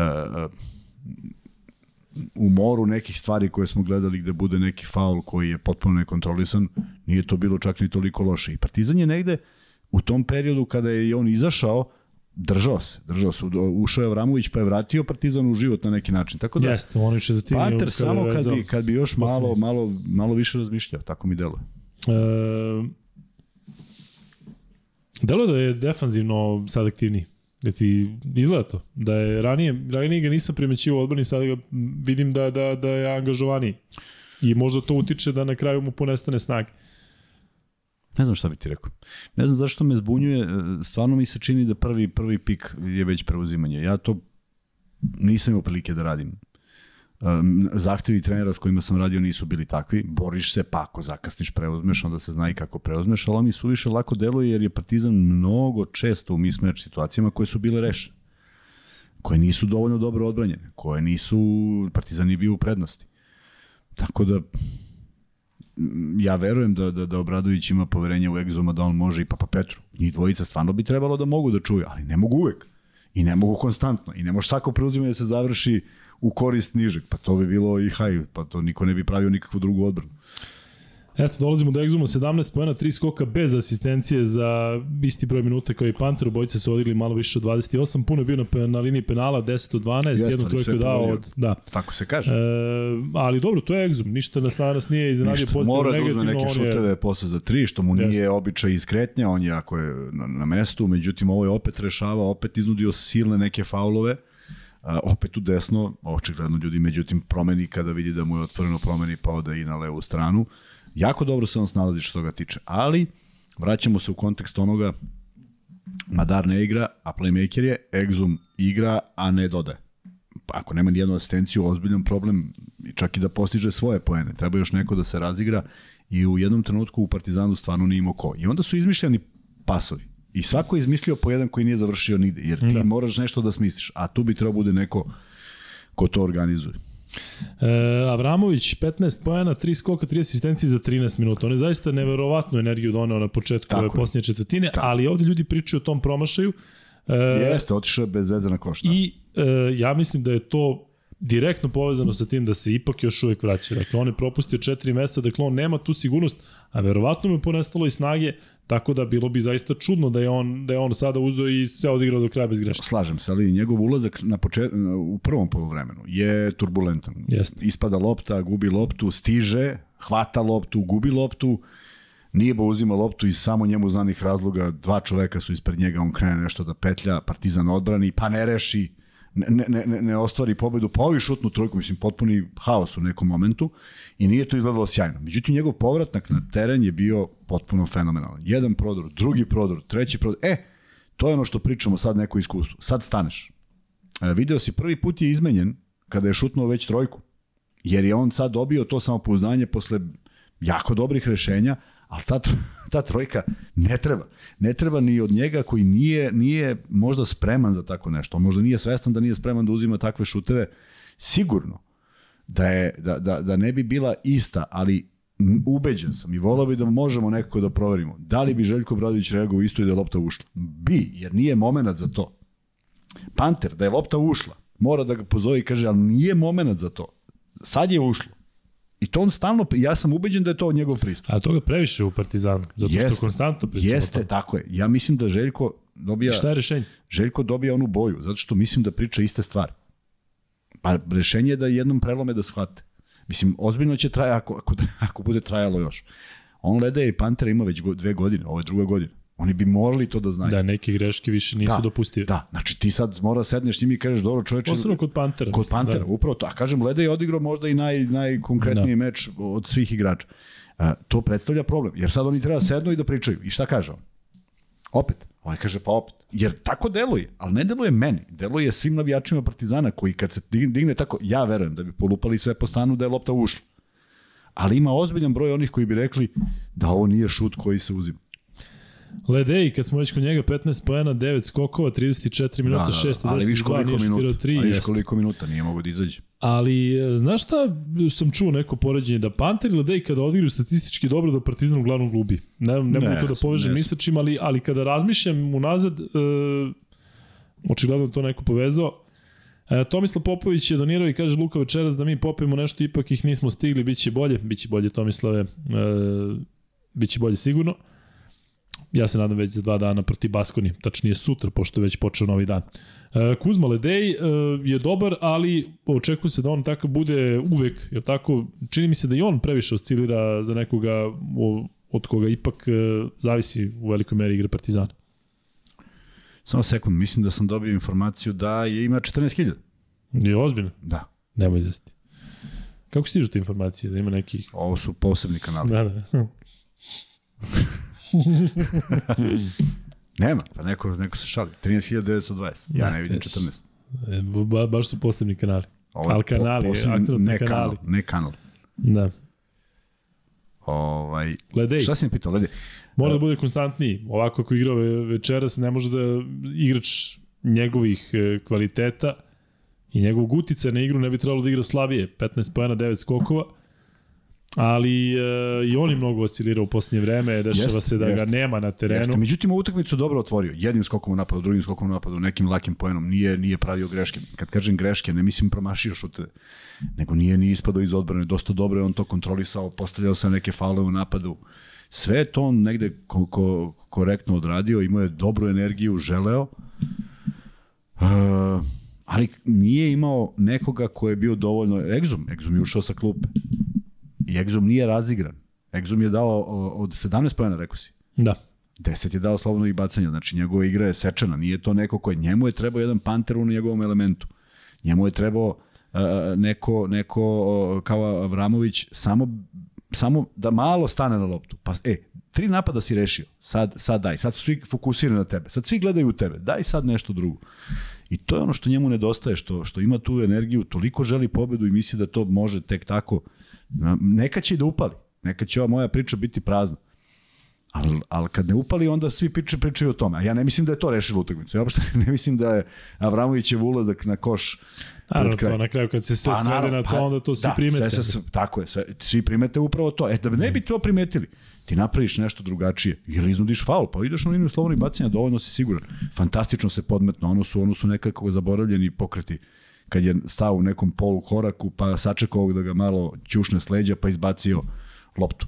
Fenomenalno rešenje. Izmislio koš, do, doslovce iz reketa. Tako da, ima, ima koliko ima kvaliteta, toliko ga ta njegova želja da se ta utakmica završi. Kao da bi se ona završila za 30 sekundi. Pa traje ga, traje, još uvek će da traje. Da, Avramović i Andjušić su imali po tri izgubljene lopte i to onako Da, prilično mnogo. vidljive. Na, na, Posebno ako uzmemo u obzir da je Avramović igrao 13 minuta, da, Andjušić da. 10. I, I on je startovao sa 3 izgubljene lopte. To je jeste. problem. E, Lesor, Kuzma, e, da li se Ja mislim da se istrošio istrošio čovjek, pa ne može da 100 godina, mislim. 5 poena, 8 skokova, 2 asistencije za 36 Malo, minuta. malo je to od njega. On je, on je ušao u igru i više nije izlazio, tako? On je ušao u igru posle 4 minuta i nije izlazio do kraja. Tako je. Tako da moram priznati da to ne shvatam. Razumem naravno da, da se ne radi to onako i da nije ovo, ali Jel se dešavalo to tebi, Kuzma, da, da, da vidiš ili imaš nekog sagrača da ne počne u petorci i onda uđe i više ne izađe do kraja? A, a ne igra dobro. Ja to ne mogu da objasnim sebi. Da. Mm, Pa, ne dešava se. Za koga Jel? misliš? Pa evo za Lesor. Lesor Pa nije ne, počeo nema, petorci. da, ali nema, nema, nema alternative. Dobro, što nije počeo petorci podmorio. Ja kažem, samo, samo ne, n- toliko Ne znam, mečeva ne sam samo komentarisao, ajde što sam gledao. Ali, znaš, ne viđam to često, da neko ne počne u petorci i onda uđe i ne izađe do kraja, a ne, A ne, nije bio dobar. Da. Ne znam. E, Trifunović je e, bio na parketu 18 minuta, to je dosta, yes. ali ti si već prokomentarisao njega, on je dao e, tu jednu trojku, imao i dva skoka, ali je bilo tu opet nekih ispadanja koji su Jest. kod takvog igrača ipak vidljivi, ti kod Pantera Jest. koji toliko lopti troši, toliko lopti uzme i toliko zavisi od njega, nekako ono kada bude preko pola pa to ne vidiš, ali kod Uruše je to baš, baš vidljivo što je opet vezano sa, sa tim da je još uvek mlad igrač i da su sve oči uprte u njega. Oni reći nešto? Hoću da kažem da ono što sam već rekao za, za Trifu, on treba da se fokusira na te neke defanzivne zadatke. On je uzeo jednu trojku vrlo hrabro i ta lopta je ušla i nekako pokrenula Partizan, zaista. I Vlahović je reagovao onako burno i videlo se reakcija na klupi, neko olakšanje. Nije to bio najbolji moment možda, ali prihvatam, uzo je, uzo je taj šut sa puno samopouzdanja. Uh, deluje mi da njegova minutaža koliko je proveo na parketu nije proveo zbog nekih ispadanja iz odbrane. Ne mislim da ga je Obradović sekao zbog nekih stvari u napadu. A ponavljam, taj moment kad on stoji u ćošku, on mora da stoji u još lepšoj poziciji, to će mu doneti, njemu će doneti mnogo lepše šuteve. A, ja mislim da on ima dovoljno snage, dovoljno potencijala u tom smislu, jednom energetskom, da igra mnogo bolje nego što igra. Ali mora da uči neke stvari. Ne može da igra po inerciji, ne može da se zaleti pa da napravi faul zato što se samo zaletao. Jednostavno mora malo da skenira i da razmišlja kako čuva igrače. Moguće da je on pod pritiskom jer se od njega traži ta neka odbrana i on verujem da ima tu želju da, da mu niko ne da koš, ali ne izgleda to dovoljno dobro da bi mogao Željko da računa da je to petorka koja će igrati malo duže i da nekog drugog odmori u tom trenutku da napravi nekakvu drugu, drugu rotaciju, tako da kad sve saberemo, pogledaj koliko je to malo minuta igrača koji nisu počeli utakmicu. Da velike razlike. Ne počeli, pogledaš... ne počeli, ne počeli. Počeli su, stvarno su počeli pa su izašli posle 2 minuta, nego od onih koji su igrali celu, skoro da, celu. Da, da, nema nekog balansa, pazi. Panter 30, Jagzom 30, tako govorim je, sada za okružen. 34, Ledej 34, 36, Lesor. Tako je. I onda nemaš nikoga to koji igra oko... Kaže, to se obično kaže, petoricu igrala celu utakmicu. Tako je. Da. Takav ti utisak. E, Kuzma naneli dva poena za 5 minuta i 40 sekundi, njemu su zviždali, ovde ljudi e, napadoše nanelija, međutim on nije dobio priliku da, da, da nešto uradi kao što pričamo iz Amadara, ali uh, ljudi pitaju šta, kako, gde, Nesta. pa valjda ga Željko dobro poznaje iz onog perioda i Svene Bakča valjda je prepoznao da to nešto neće funkcionisati. Pa znam ali u problemu, ok, ali u problemu si. Mislim, sve ja razumem, ti sam, možemo tako uvek da pripišemo što ovaj igrao, pa osetio trener. Nije to sporno i možda i jeste osetio. Ali, mislim, ne verujem da su to disciplinske neke ne mislim ni to, ali, ali mi ne deluje da je ovaj zadovoljan. Ne, nije dobar rezultat na kraju, nije zadovoljan igrač, Željko ne može da bude zadovoljan, pa ko je zadovoljan time što, što je? A onda ako si već plaćen to, pa majstore, ako si ti taj koji je jedan od najplaćenijih, ne mislim sad direktno na njega, nego pro, prosto ako, ako, don, ako zarađuješ više novca i neko si pojačanje za ovu sezonu, ajde ti onda reši ovu utakmicu. Probaj da rešiš, vrati se u život ili da te pitam onda posle, a što nisi spreman? Jer on je rešio neke utakmice. Pa gde je sad to? Ja, ja, ja, e, e, možda je njegov govor tela Željko pokazao sve to što ti kažeš. Ali to ne može, pa to bi suviše bi lako bilo, koliko bi, koliko bi, koliko bi igrao, ko, šta, kako. E, vidio, ovaj mi se osjeća dobro, kao pa ne veze. Da. Nije baš nema veze i kako ima veze u igri Partizana da li je Naneli u elementu ili nije. Ali evo stižemo do Papa Petru, ako je igrao 20 minuta, ako njega mi se čini da je jedini u timu Partizana čije partije ne utiču na minutažu. Dakle, Papa Petru igra pa, i igra i igra i, je... i čekamo ga i on nekada odigra dobro, desi se i neka minijatura, ali e, delo je da je on, ne, zvuči odvrtno sada zaštićen, ali on i dalje igra, dakle, kod njega nije bilo ono da sad kao pa Petru odigra samo dva ili tri minuta, možda je bila jedna ili dve utakmice i to uglavnom u ABA ligi, ali ovako, očigledno ima željku u njega poverenja, a on to ne možemo da kažemo da koristi. Pa jeste, ali ali ovaj zato što zato što pomaže u odbrani u toj koji odbrani koji Partizan ima, igra. I on stvarno može da preuzme sve. I on je do, ja ne, nije ga lako preći. A jel treba onda žrtvovati da sad zbog te odbrane čovjek je neprimetan u napad? Moraš, imaš, imamo već nekoliko primjera, juče smo pričali o tome. Da. Prosto žrtvuješ nešto.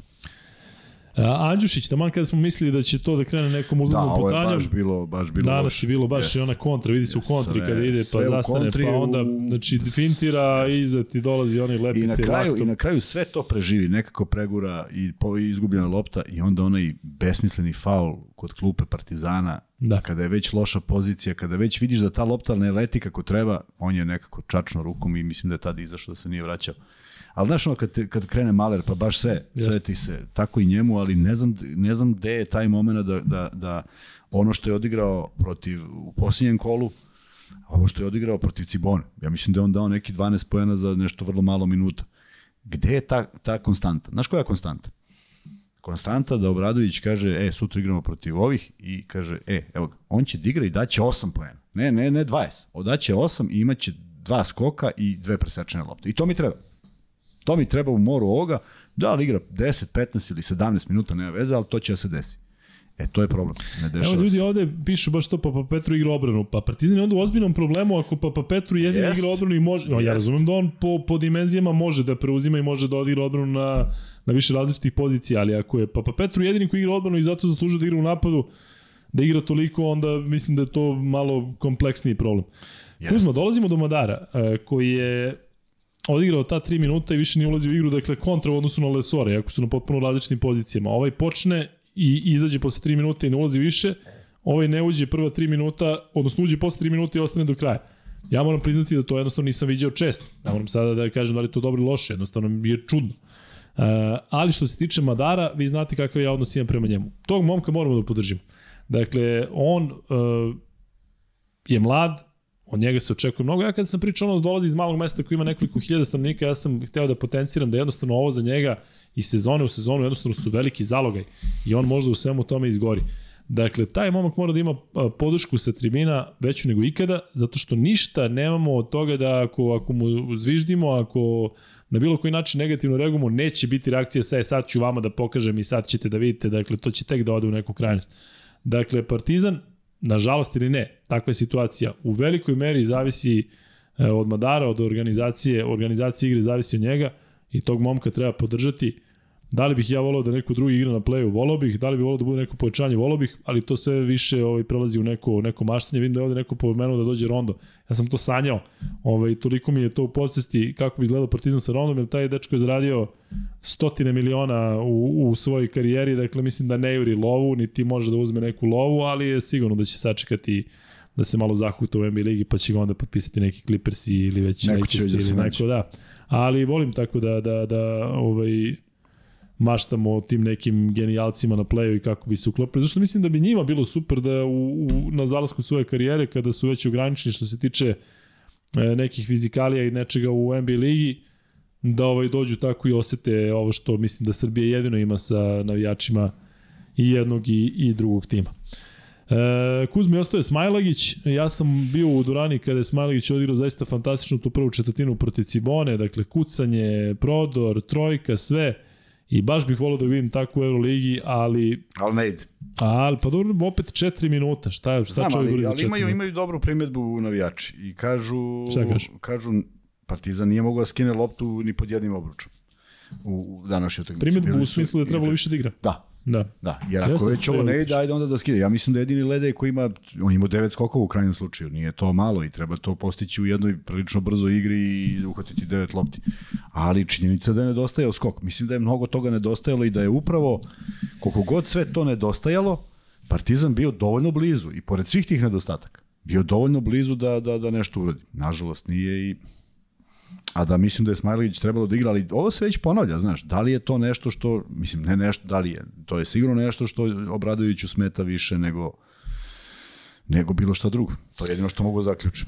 Da, još 80 uh, lajkova nam fali za drugi free bet. Vanja, možda staviš pol, da li hoće da pređemo na zvezdu? Baš me zanima, nećemo da se delimo više zvezdaši partizanovci, ali vidim da vidim da li, pošto je ovde bilo onih da, da krenemo da najavljamo zvezdu, pričamo već više od sat vremena o Partizanu i otprilike toliko ćemo i o Zvezdi i na kraju ćemo samo da pomenemo šta se dešava u NBA ligi. E, Kuzmo, kakvi smo sa subovima? 926, 74, fali. Da, fali nam još A, dosta. znam produžit ćemo da mi ovu emisiju. Da, da. Možemo do jutra. Možemo.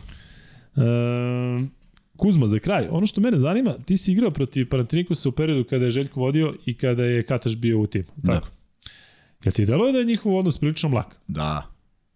A šta se dešava? Pa ne znam, ne znam. Ne Si znam. vidio ono na kraju? Ono Da, da, nije, da. nije, oni su zajedno osvojili Euroligu. Yes. Doduše, Kataš je došao, to je njegov poslednji angažman e, igrački, on je već tad bio iskusan i posle Panathinaikosa više nije igrao, odmah je postao trener.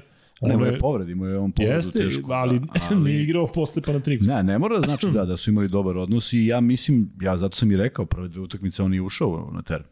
Ni u, ni u Atini, ni u Podgorici. Ali treći odigrao majstor. Ili misliš da Je. datira možda nešto od tada ili se nešto dešavalo među vremenu? Ne, verujem da se nešto... Ali slažemo se da, da, da, Da, da, nije- da nije- za, nije- za bivšeg igrača i trenera koji su osvojili Euroligu, da, nije ono nije bio bilo- srdačan. Ne, daleko od toga. Da. Baš je tako izgledalo. Bilo je više nego pro forme. Eto, ako neko ima tu informaciju, pošto ja ne mogu ovaj da nađem, ne znam da li sam juče u live-u pričao o onome koliko sam bio oduševljen Timo Majka u tom periodu. Sam to pričao tebi ili sam pričao live? da. Ali ispričaj sad svima, molim te, pošto si 45 minuta pričao to. E, da. E, bio sam fasciniran Timo Majka u periodu kada je Kuzma igrao protiv Ajka. Ako se sećate, to je bio jedan tim e, koji je igrao Euroligu i koji je tražio kombinaciju iskusnih i mladih igrača.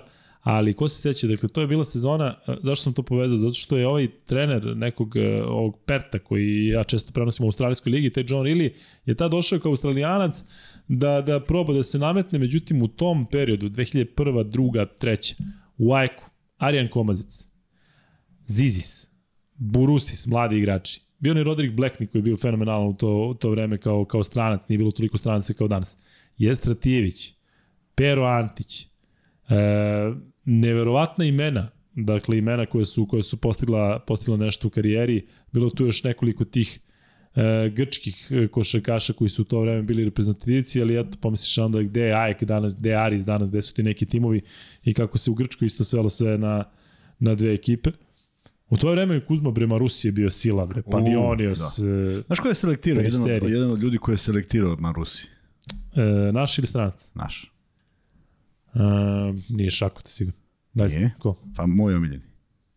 Rus? Eto viš. Sve je pokupio to, sve što je bilo. Sve što je valjalo. Mm, da. E, e, Igor Marković ima poruku, za, ne, nije Igor Marković, Luka ima poruku za tebe. Šta kažeš? Svaka čast kaže onima što se klade. I evo ti ga. Kladio se čovek, Zvezda Real.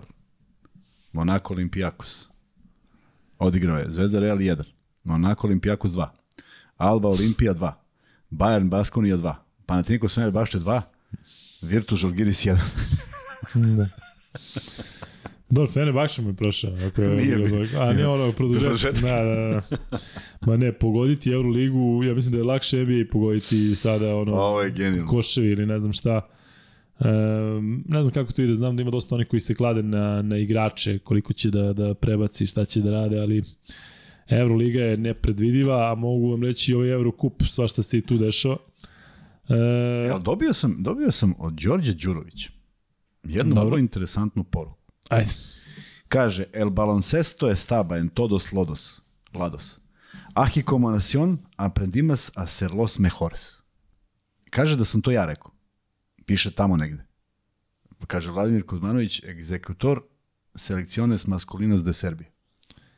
Pa dobro, to je bilo ranije, tako? Jeste, ali ja ne znam baš kad sam to rekao. A u stvari znači košarka je još uvek tu kao nacija, kao, jer smo kao nacija naučili da budemo najbolji. Ga šta ja mogu da kažem pametno? To pre Na pet godina, čoveče. Hvala Ovo ti, Đorđe. Hvala, Đorđe, pohvalio sam se. Kaže, Đorđe, slobodno se pohvali. Ekstra. Da je u Marki izašlo ili u nekom... Pa to je širom, širom sveta Da. i Latinske Amerike da se što više ljudi Ja mislim, rekao si nešto u podcastu, pa su Ma sad ja, to pre, preveli španci. Ma kakvi. E, sačekat ćemo da bude hiljadu glasova. U stvari nećemo čekamo hiljadu glasova onda ovo. Daj Vanček da vidimo da li žele da pređemo na zvezdu. E, Kuzma, ali imaš još nešto da dodaš što se tiče Partizana i Makabija, pre nego što te pitam, š, odnosno možemo da pređemo na Baskoniju koju ćemo najaviti sutra, ali kako poraviti tim iz Tel Aviva za meč koji u areni počinje za mnogo manje od 48 sati? Pa sam pitao.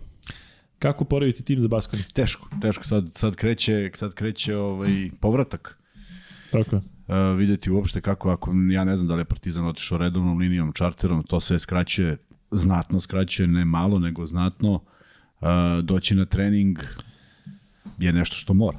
Prosto, makar ga prohodali. Dakle, Partizan sutra ima trening popodne, pretpostavljam. Neki šuterski lagani mora da bude i to je to. I to je cela priprema. Taj trening će biti više pokazni. Uh, I mislim da ako uzmeš neko vreme treninga, koliko će Obradović porasti na parketu sa igračima, i potrošiš određeno vreme da ispričaš sve što nije valjalo, a pričao si prošlu utakmicu, to je problem. Jer ti od svakog treninga onda gubiš isto istu količinu vremena, a nemaš ga. Ne možeš da produžiš trening da to sad traje u nedogled. Dakle, ti moraš da razmišljaš da se igrači odmore. Stvarno bih voleo i mislim da, da, da ćemo to prepoznati ako se desi. Prepoznaćemo po njegovim reakcijama, pre svega, ako neke stvari budu legle. I bilo je utakmica je on bio miran, ali to je trajalo jednu, dve utakmice, pa ponovo, pa ponovo kreće, kreće, deluje mi ista priča. Nije dovoljno klimuti glavom. I ti da bi poštovao tog trenera koji je napravio šta je napravio i verovatno jedan od najboljih zauvek, ne znam ko će to dostigne taj broj titula, nije dovoljno samo klimneš glavom nego ti onda na sledećoj utakmici to pokažeš, tako se pokazuje respekt prema treneru, tako se pokazuje respekt prema bilo kom treneru, a ne neko kalibra Obradovića. E, jedino ono što sam ja pitao još pre godinu dana, neka mi niko ne zameri, uh, on je te informacije delio igračima koji su to razumeli. Da li svi njegovi igrači to mogu da razumeju? To je najveći problem na čemu on insistira nekako mi se u Panetaniku su sa onim igračima sa Batistom ili u Fenerbahčeju sa Judom, koji izjave da bi igrali 20 narednih godina e, kod, kod Obradovića. Dakle, nešto je funkcionisalo. Nisi morao iste priče da pričaš. A i tamo se Dešavalo sporadično. se, tako. dešavalo Pa videli smo njegov odnos i sa Bjelicom, nešto nije funkcionisalo, tako? Mm, pa da, dobro, mislim nije... Dešava se, dakle nije, ali to su to su izolovani slučajevi. Ne možeš svaki svaku utakmicu da ponavljaš iste greške. Ljudi su ovde pitali za taj još kao što je lupio Ledeja po ramenu. Jesi video tu E, situaciju? to nisam vidio, da, da, to je ja neko, sam vidio, ali to da. je, znači, pa stvarno mislite da je kre- krenulo Željko da uredi, udari Ledeja. Da. Znači, bilo je žalbi kako ne sme Panteru nešto da kaže sad Ledeju koji je onakav, udari ga po onom ramenu gde ja mislim da ima onaj ožiljak. Dakle, sve je to deo trenerskog e, načina na koji Željko funkcioniše sa igračima. Znamo šta je bilo u Fenerbahču, pa se digla kuka i motika kao udario Šamar, Mahmut Oglu. Jednostavno, to je taj odnos koji je poluočinski, a ono što je Kuzma rekao, Ledeje već e, godinu i po u klubu, ja sam slušao Ledeje i e, Pantera u zajedničkom intervju za Euroligu, vi ne možete verovati koji je to respekt. I oni to kažu, dakle, jednostavno mi smo tu za njega da umremo i kada ste za nekoga um, spremni da umrete, to je prisan odnos, a prisan odnos donosi takve neke druge stvari, da kada ste nervozni, onda jednostavno Tako je, reagujete da, nervozno. da, to je tako. Da, dakle, normalno. nema šta, ne bih ovaj previše... Pre nego što nastaviš, ja moram samo Da. jednu stvar. Ja, dobili smo, neočekivano, nikad nisam dobio ovo, dobili smo 10 poruka da pozdravimo nekoga. Sad, ja stvarno ne mogu da ovaj, baš i time da se bavim.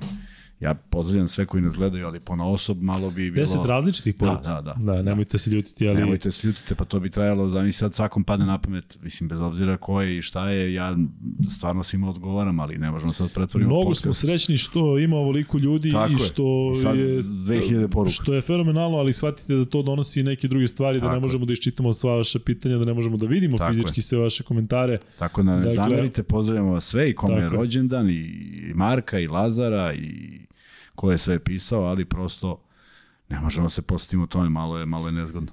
Vidim da ovde govorite o Jeskivičiusu da on ima isti metod, nije isto Jeskivičius koji je postao trener pre koliko godina i Željko Bradović koji je tu e, od 90. Dakle, jednostavno nije za poređenje. Jeskivičius e, ima, da kažem, isti taj odnos prema igračima, ali to delo onako, Željko nije imao takav odnos prema igračima kada, kada je prešao iz igračke u trenersku karijeru pa prema sa igračima do juče da se tako odnosi. Da, da, Ovo je sada više tako. pedagoški, nekima fizički, odnosno možda bude i deda. Dakle, Eskevičius je od pojedinih svojih e, igrača stariji možda koju godinu, tako da, da nije za poređenje. Iako, naravno, postoji ta paralela kako reaguju u besu i, i slično i to dranje i sve, tako da mislim da je potpuno drugačiji efekt kod Eskevičiusa i, i kod e, Da, i ne treba kopirati, i treba biti Sad- svoj, ne treba baš ništa da bude, možeš da uzmeš neku Naravno. ideju, nešto, ali da bude ponašanje slično i da je to model koji će prijati svakome. Pazi, i da, i da je model isti, ali ja ovom čoveku verujem. I on može reći šta god hoće, ali ti Tako ne možeš da taman priča iste stvari. Prosto ne treba preslikavati, ne treba kopirati, a čini mi se da je uh, uh, Jasikivičius preterano nervozan. A preterano nervozan još od rada u, u Žalgirisu, ne ovo sad u Barceloni gde je veći stres i veće obaveze i veći rezultat i sve to.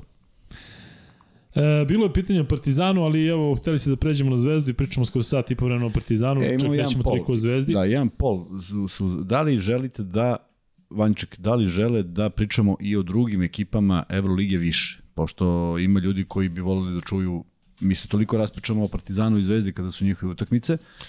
Ma da, Kuzma, mislim, Ne, ne, ajde, i da pominjemo samo- i sve, da sad šta sad, nego, da li- pričamo sad vremena o Partizanu, sad vremena o Zvezdi, onda sad vremena Ja i ostane. kažem da je I malo da vremena ostalo, da, ja i kažem da je malo vremena ostalo i da postoje momenti kad možemo. Ja bih volio da više Ali- pričamo o timovima iz regiona i timovima iz Srbije, što se Slažem tiče se, nego nečeg kažem ima sada. nekoliko ne- desetina poruka da pričamo o drugim klubima. Samo Dobro. kako je raspoloženje, pa čisto da, jer staviti to sve u dva sata nije realno. Onda Tako nešto, ne, za nešto ćemo da ostanemo uskraćeni. E, Luka iskreno mi odgovori kao navijač Partizana. Ja sam zvezdaš, svako ko prati košaku i razume se ima mišljenje da Partizan ima više nego odlično suđenje ove godine, da ne kažem domaćinsko. E, ja mislim da postoje ozbiljne greške, ali da nisu na račun Partizana ili ne, da je jednostavno da je suđenje loše. Tako da e, ne bih rekao da Partizan ima neku protekciju, zato što jasno je, baš, baš u posljednje vreme, ovo kako Kuzma uh, priča i priča o tim osnivačima Euroligi i onda konkretno pratim baš fokusiram se na to da vidim kako ti osnivači Euroligi koji su vlasnici Eurolige kako ovaj, uh, kakvo suđenje imaju i postoji razlika u odnosu na ostale timove. da Željko kao trener ima kredit i da Partizan nije tretiran kao debitant u Euroligi, kao neka ekipa, ajde sad ćemo po njima, definitivno je tako. Dakle, mislim da Partizan ima promenljivo suđenje, da baš ima domaćinsko na, na, na gostovanjima, to ne bih rekao. Vidite kakav odnos ima Euroliga prema Partizanu, šta se desilo sa tom sa tom uh, utakmicom u Barceloni, vidite kakav odnos ima Euroliga prema Zvezdi, tako da mislim da, da, da nema tu ničega, nečeg sada prema nekome, pa je nešto dobro ili u superlativu ili pozitivno.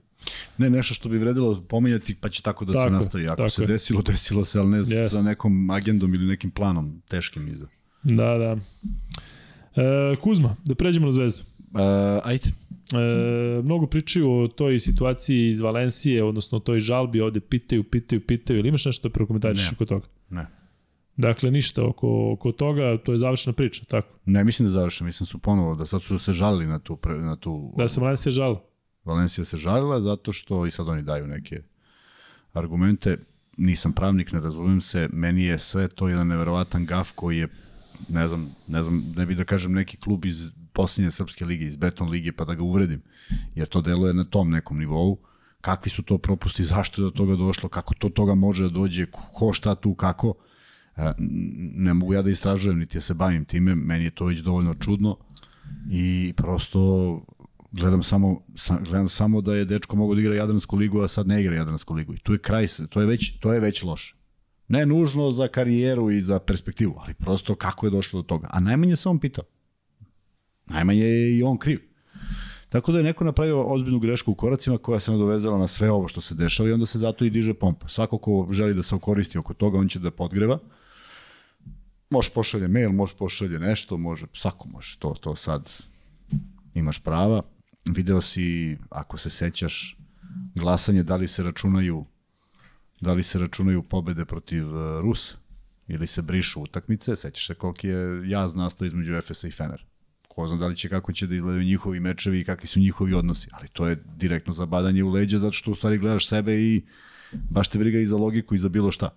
Efes, profi, uh, Efes da. profitirao, Fener izgubio, koga to briga u Efesu, nikoga. Tako da to su neke, neki uski interesi, svako ih ima. Euroliga ima tih 10 vlasnika, je tako? Ne računajući CSKA. Oni imaju svoje interese, znaš koliko ih zanima nešto što se njih tiče, ti koji obrću novac i koji imaju profit u svemu tome. Da li se igra u Londonu ili u Beogradu? Ali da se razumemo, mnogo je da timova koji imaju svašta protiv Euroligije. Naj, najveći primjer je taj Panathinaikos. Ali dakle, on ima kako stvarno to ispeglati, pa, kako to ispeglati teško, da, da, teško, da, znaš, naravno da nikad neće biti svi zadovoljni. Ali da jednostavno bude manje priča o tim stvarima oko košake, a više o košaci. Uh,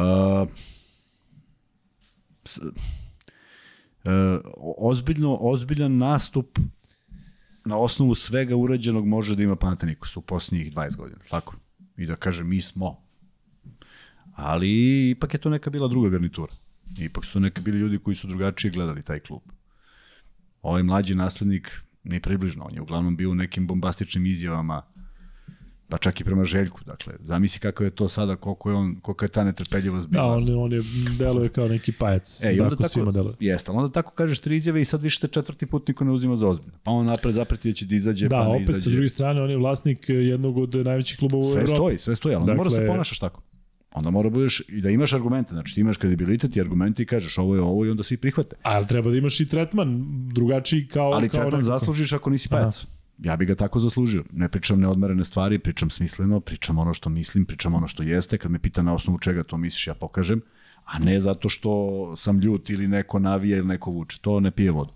Tako da ima tu sigurno i ozbiljnih ovaj, ljudi e, po, po tim klubovima, znaju šta rade, ali prosto imaju, imaju neki svoj interes, imaju neku agendu. Tu ima zagovornika te zatvorene lige, odavno postoji, ima zagovornika ne ABA liga, I to postoji, to moramo da budemo svesni. To što uh, Zvezda ovoliko godina igra u posljednje vreme, to što je Partizan bio nekoliko Final Fourova i što je u krajnjem slučaju i prvak u nekom momentu u prethodnom načinu takmičenja, to što imaju najtrofejnijeg trenera, da li misliš da to stvarno može da, da to može da ublaži, ali ne može da bude taj lobby koji kaže e, sad to ćemo ovako. Tako da, ja jesam zabrinut za, za, za ABA ligu i zabrinut sam bio i pre pet godina. I pre tri kad je odvaničeno da, da više nema predstavnika. A mi se i dalje pravimo ludi i kažemo ma ima. Što ima? Ajmo da im pokažemo zašto treba da ima. I u, tom smeru i gledam Partizan i Zvezdu. I zato bi bilo dobro da se pojave u top 8. To je jedan od razloga. Ne njihov lični, nego to je jedan da kažu, e, okej, aj sad ćemo napravimo neki drugi aranžman. Ali danas smo čuli jednu fantastičnu vest, da je Monako postao stani član, tako? Sve može da se promeni. Sutra može neko izglasa da bude ovaj ili onaj. Ne možeš tu apsolutno ništa. Samo treba neki ljudi se dogovore. Znaš Zašto mislim? Monako? Je znaš zašto? Ja ne znam. Tradicija? Nije. Sportska nacija? Nije. Nemaju nijednog domaćeg. Finansijski je Neki- moćan, Pa, to jest. kraj, pa to kažem. To je rukovodđenje Euroligi. A mi imamo ozbiljan problem. E, koliko god, koliko god ti uradio marketing ovde, koliko god Partizan uradio nešto fenomenalno pošto igra u areni sa tim godišnjim kartama, što je pokazatelj za sebe, ne možeš da ga falsifikuješ, prosto toliko ljudi kupilo kartu. To je ograničeno u Srbiji. Ne može da ide dalje. Nema te prodaje dresova, nema te prodaje ovoga, nema te prodaje onoga, nema sve što ide uz to. Uh, ne znam koliko ljudi, verovatno naši gledalci su odlazili u Madrid. Na Santiago Bernabeu cela prodavnica je u znaku Real. Sve što postoji na ovom svetu ima logo Real. Sve. I to ljudi kupuju. To dolaze turisti i tu se... Ja, ja, ja ne mogu zamislim koji je to promet. To kod nas, nažalost, ne postoji. Nismo postigli, podigli na, na taj nivo. Znaš zašto nismo podigli na taj nivo? Pošto se desi da neko ko nosi crno-belu kapu prebiju ga neki na ulici ili ovaj što nosi crno-beli dres. E, to je problem. I zato ne možeš da kupiš. I zato ne idu ljudi u dresovima na utakmicu neke, ne, neku neutralnu na neko neutralno mesto. E, to su sve problemi društva, nisu to problemi Euroligi. Da, ali zamisli, ovo sada je, verovatno će zvučati smešno i neće, ko zna na kakve će reakcije ne ići, ali zamisli da Zvezda i Partizan nastupaju zajedno. Pa to je nemoguće, nažalost. Ne, ali zamisli kako bi to snaga bila. Zamišljam. I, A verovatno ovaj iz Euroligije razmišlja, povise kolju tamo dole, šta, imam će- ja, šta pusti, će to su divljaci i sve. a gledaj, gledaj kako to... A kako, zamisli da sad Partizan i Zvezda sa ovakvim navijačima izađu i kažu, e, alo, daj bre, stani malo, da izađu zajedno. Verovatno bi imalo veću težinu. a, da. Ali, Nego da bude, evo, ali- vidiš ali- ovako i da se upire prstom. Ali ja jedni bi drugima. stvarno da može, pazi, na primjer imaš neki 10 tačaka, jel tako, koje su ti glavne za... Ej, ne moraš oko 10, ne možeš oko 10. Imaš različito mišljenje, drugačije, gledaš situaciju, a mora da imaš šest. Mora da ima nešto zajedničko što je osnov. Mora da ima nešto što ti iđeš i kažeš, ej, ne može. Ja, ja, ja, bilo, bi, bilo bi fantastično kad bi neke stvari koje pogode Zvezdu i Partizan reagovali ovi drugi i stali u zaštitu. Ako je za zaštitu. Ja mislim da ko, šta god mi misli o Valenciji, Realu, Barceloni i španskim klubovima, mislim da imaju neke dodirne tačke. Nemaju sigurno baš nas briga. Jer negde kad na red dođe, a vi španci, oni se svi osete špancima, ne? Jer sad to kao ovo igra u belom, ovo u crvenom dresu. E, Stigli smo do 1000 lajka, tako da ćemo imati e, Opa. free bet. Prvi bio Red Hot Chili Peppers, a drugi mora da bude u vezi Partizana, tako da Odet Kataš i Željko Bradović su stvorili zajedno Euroligu koje godine. Ko prvi napiše to dobija drugi free bet. I Još šalje, 60. Još 60. Mhm. E, luka i kuzma at gmail.com je mail na koji šaljete sada maxbet ID, dakle samo od danas menjamo to da se više ne šalje, ne šalje na Instagram, jer tamo stiže zilion poruka, tako da samo se šalje na mail i tako je Da, mnogo lakše i bit više će i vama Instagram. Jeste. biće i vama lakše. lakše da pročitam. Vanček, možda ugusiš ovaj pol da vidimo šta kažu ljudi, da li žele da više pričamo o drugim euroligaškim uh, timovima. Petar Mitić je odgovorio prvi, 2000. godina je tačan odgovor. I ti, Petar, šalješ dakle svoj MaxBet ID na Luka i Kuzma Gmail. Um, 59% kaže ne. 40% kaže da, to. nije to zanemarljiv procenat. Nije, nije, nije. Ali dobro, vidjet ćemo da pričamo... Vidjet ćemo, trudit ćemo se uvek, ali Hoćemo. prosto mi kad se zaletimo ome i šta nam se sve otvara ali- i stižu pitanja, nekako zamišljamo da je to najzanimljivije. sigurno da jeste, Uvek ćemo se neke... setiti nečega. Možemo da ispričamo Fener kako je izgubio od Valencije bez pet igrača. Naravno da to možemo da spomenemo, ali sad uđemo u analizu svega toga. A i opet je tu akcent na našima, tako da... Da, opet bi gađali, gađali to. E, jedna bizarna stvar se desila na utakmici koju si prenosio. Sad ja ne znam koliko ljudi gledalo London Hapoel i moram ti kažem ovaj Colin McRae, ovaj bivši vozač formule, fenomenalno igrao. Jordan McRae. Da.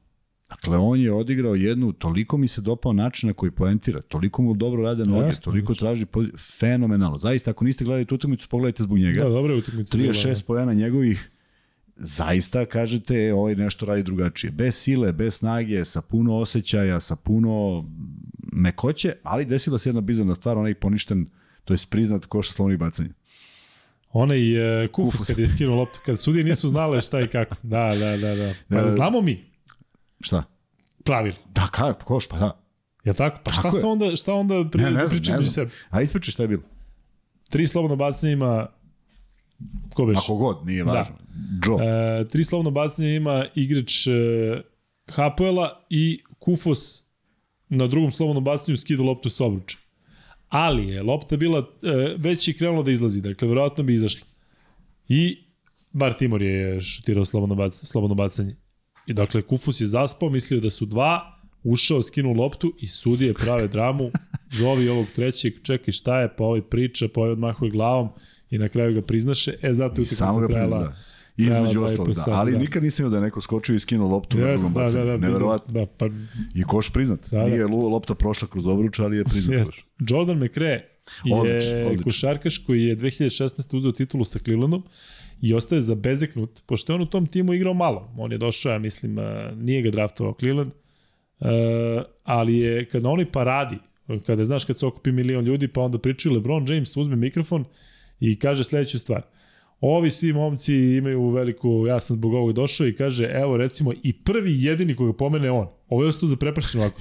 Kaže Jordan McRae i bilo jasno. kao da Kuzma priča. Kaže, čovjek je došao, znao koja mu je uloga u timu, znao je da neće igrati mnogo, davao je sve od sebe na treningu, davao je sve od sebe svaki put, on je primer i mi smo zato šampionski tim, zato što on koji je tu igrač u rotaciji, on je odradio svoj posao. Znači, kao da priča Kuzma. Dakle, bukvalno onako sve ovaj, po PS-u.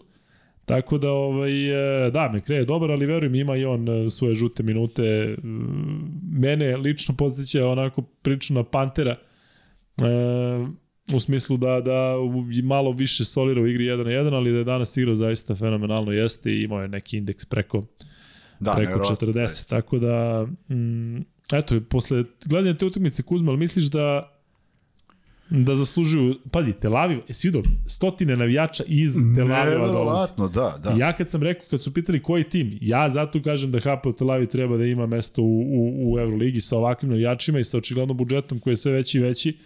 Zašto da ne? Iz jednog grada koji već ima da se stvori taj, taj um, gradski rivalitet u Euroligi, bilo bi lepo. A što se tiče Londona, je svi ono, ono navijanje, oni ljudi ne znaju Da, kad da, je da, koš. da ne znaju šta je. Oni, znaš, oni da Svi koš, pogledaju. oni... Znaš, tako da London mislim da je još uh, zelen da bi imao neko zbiljnije mesto, ali sastavili su dobru ekipu igre. Da prekinemo više, o, eto, to je ovaj deo kada pričamo o drugim klubovima, ali možemo E, to da samo da objasnim, samo da objasnim Ajde. ovaj... Samo da objasnim. A, dobro, sve u redu. Ne, da, da, neko je možda pomislio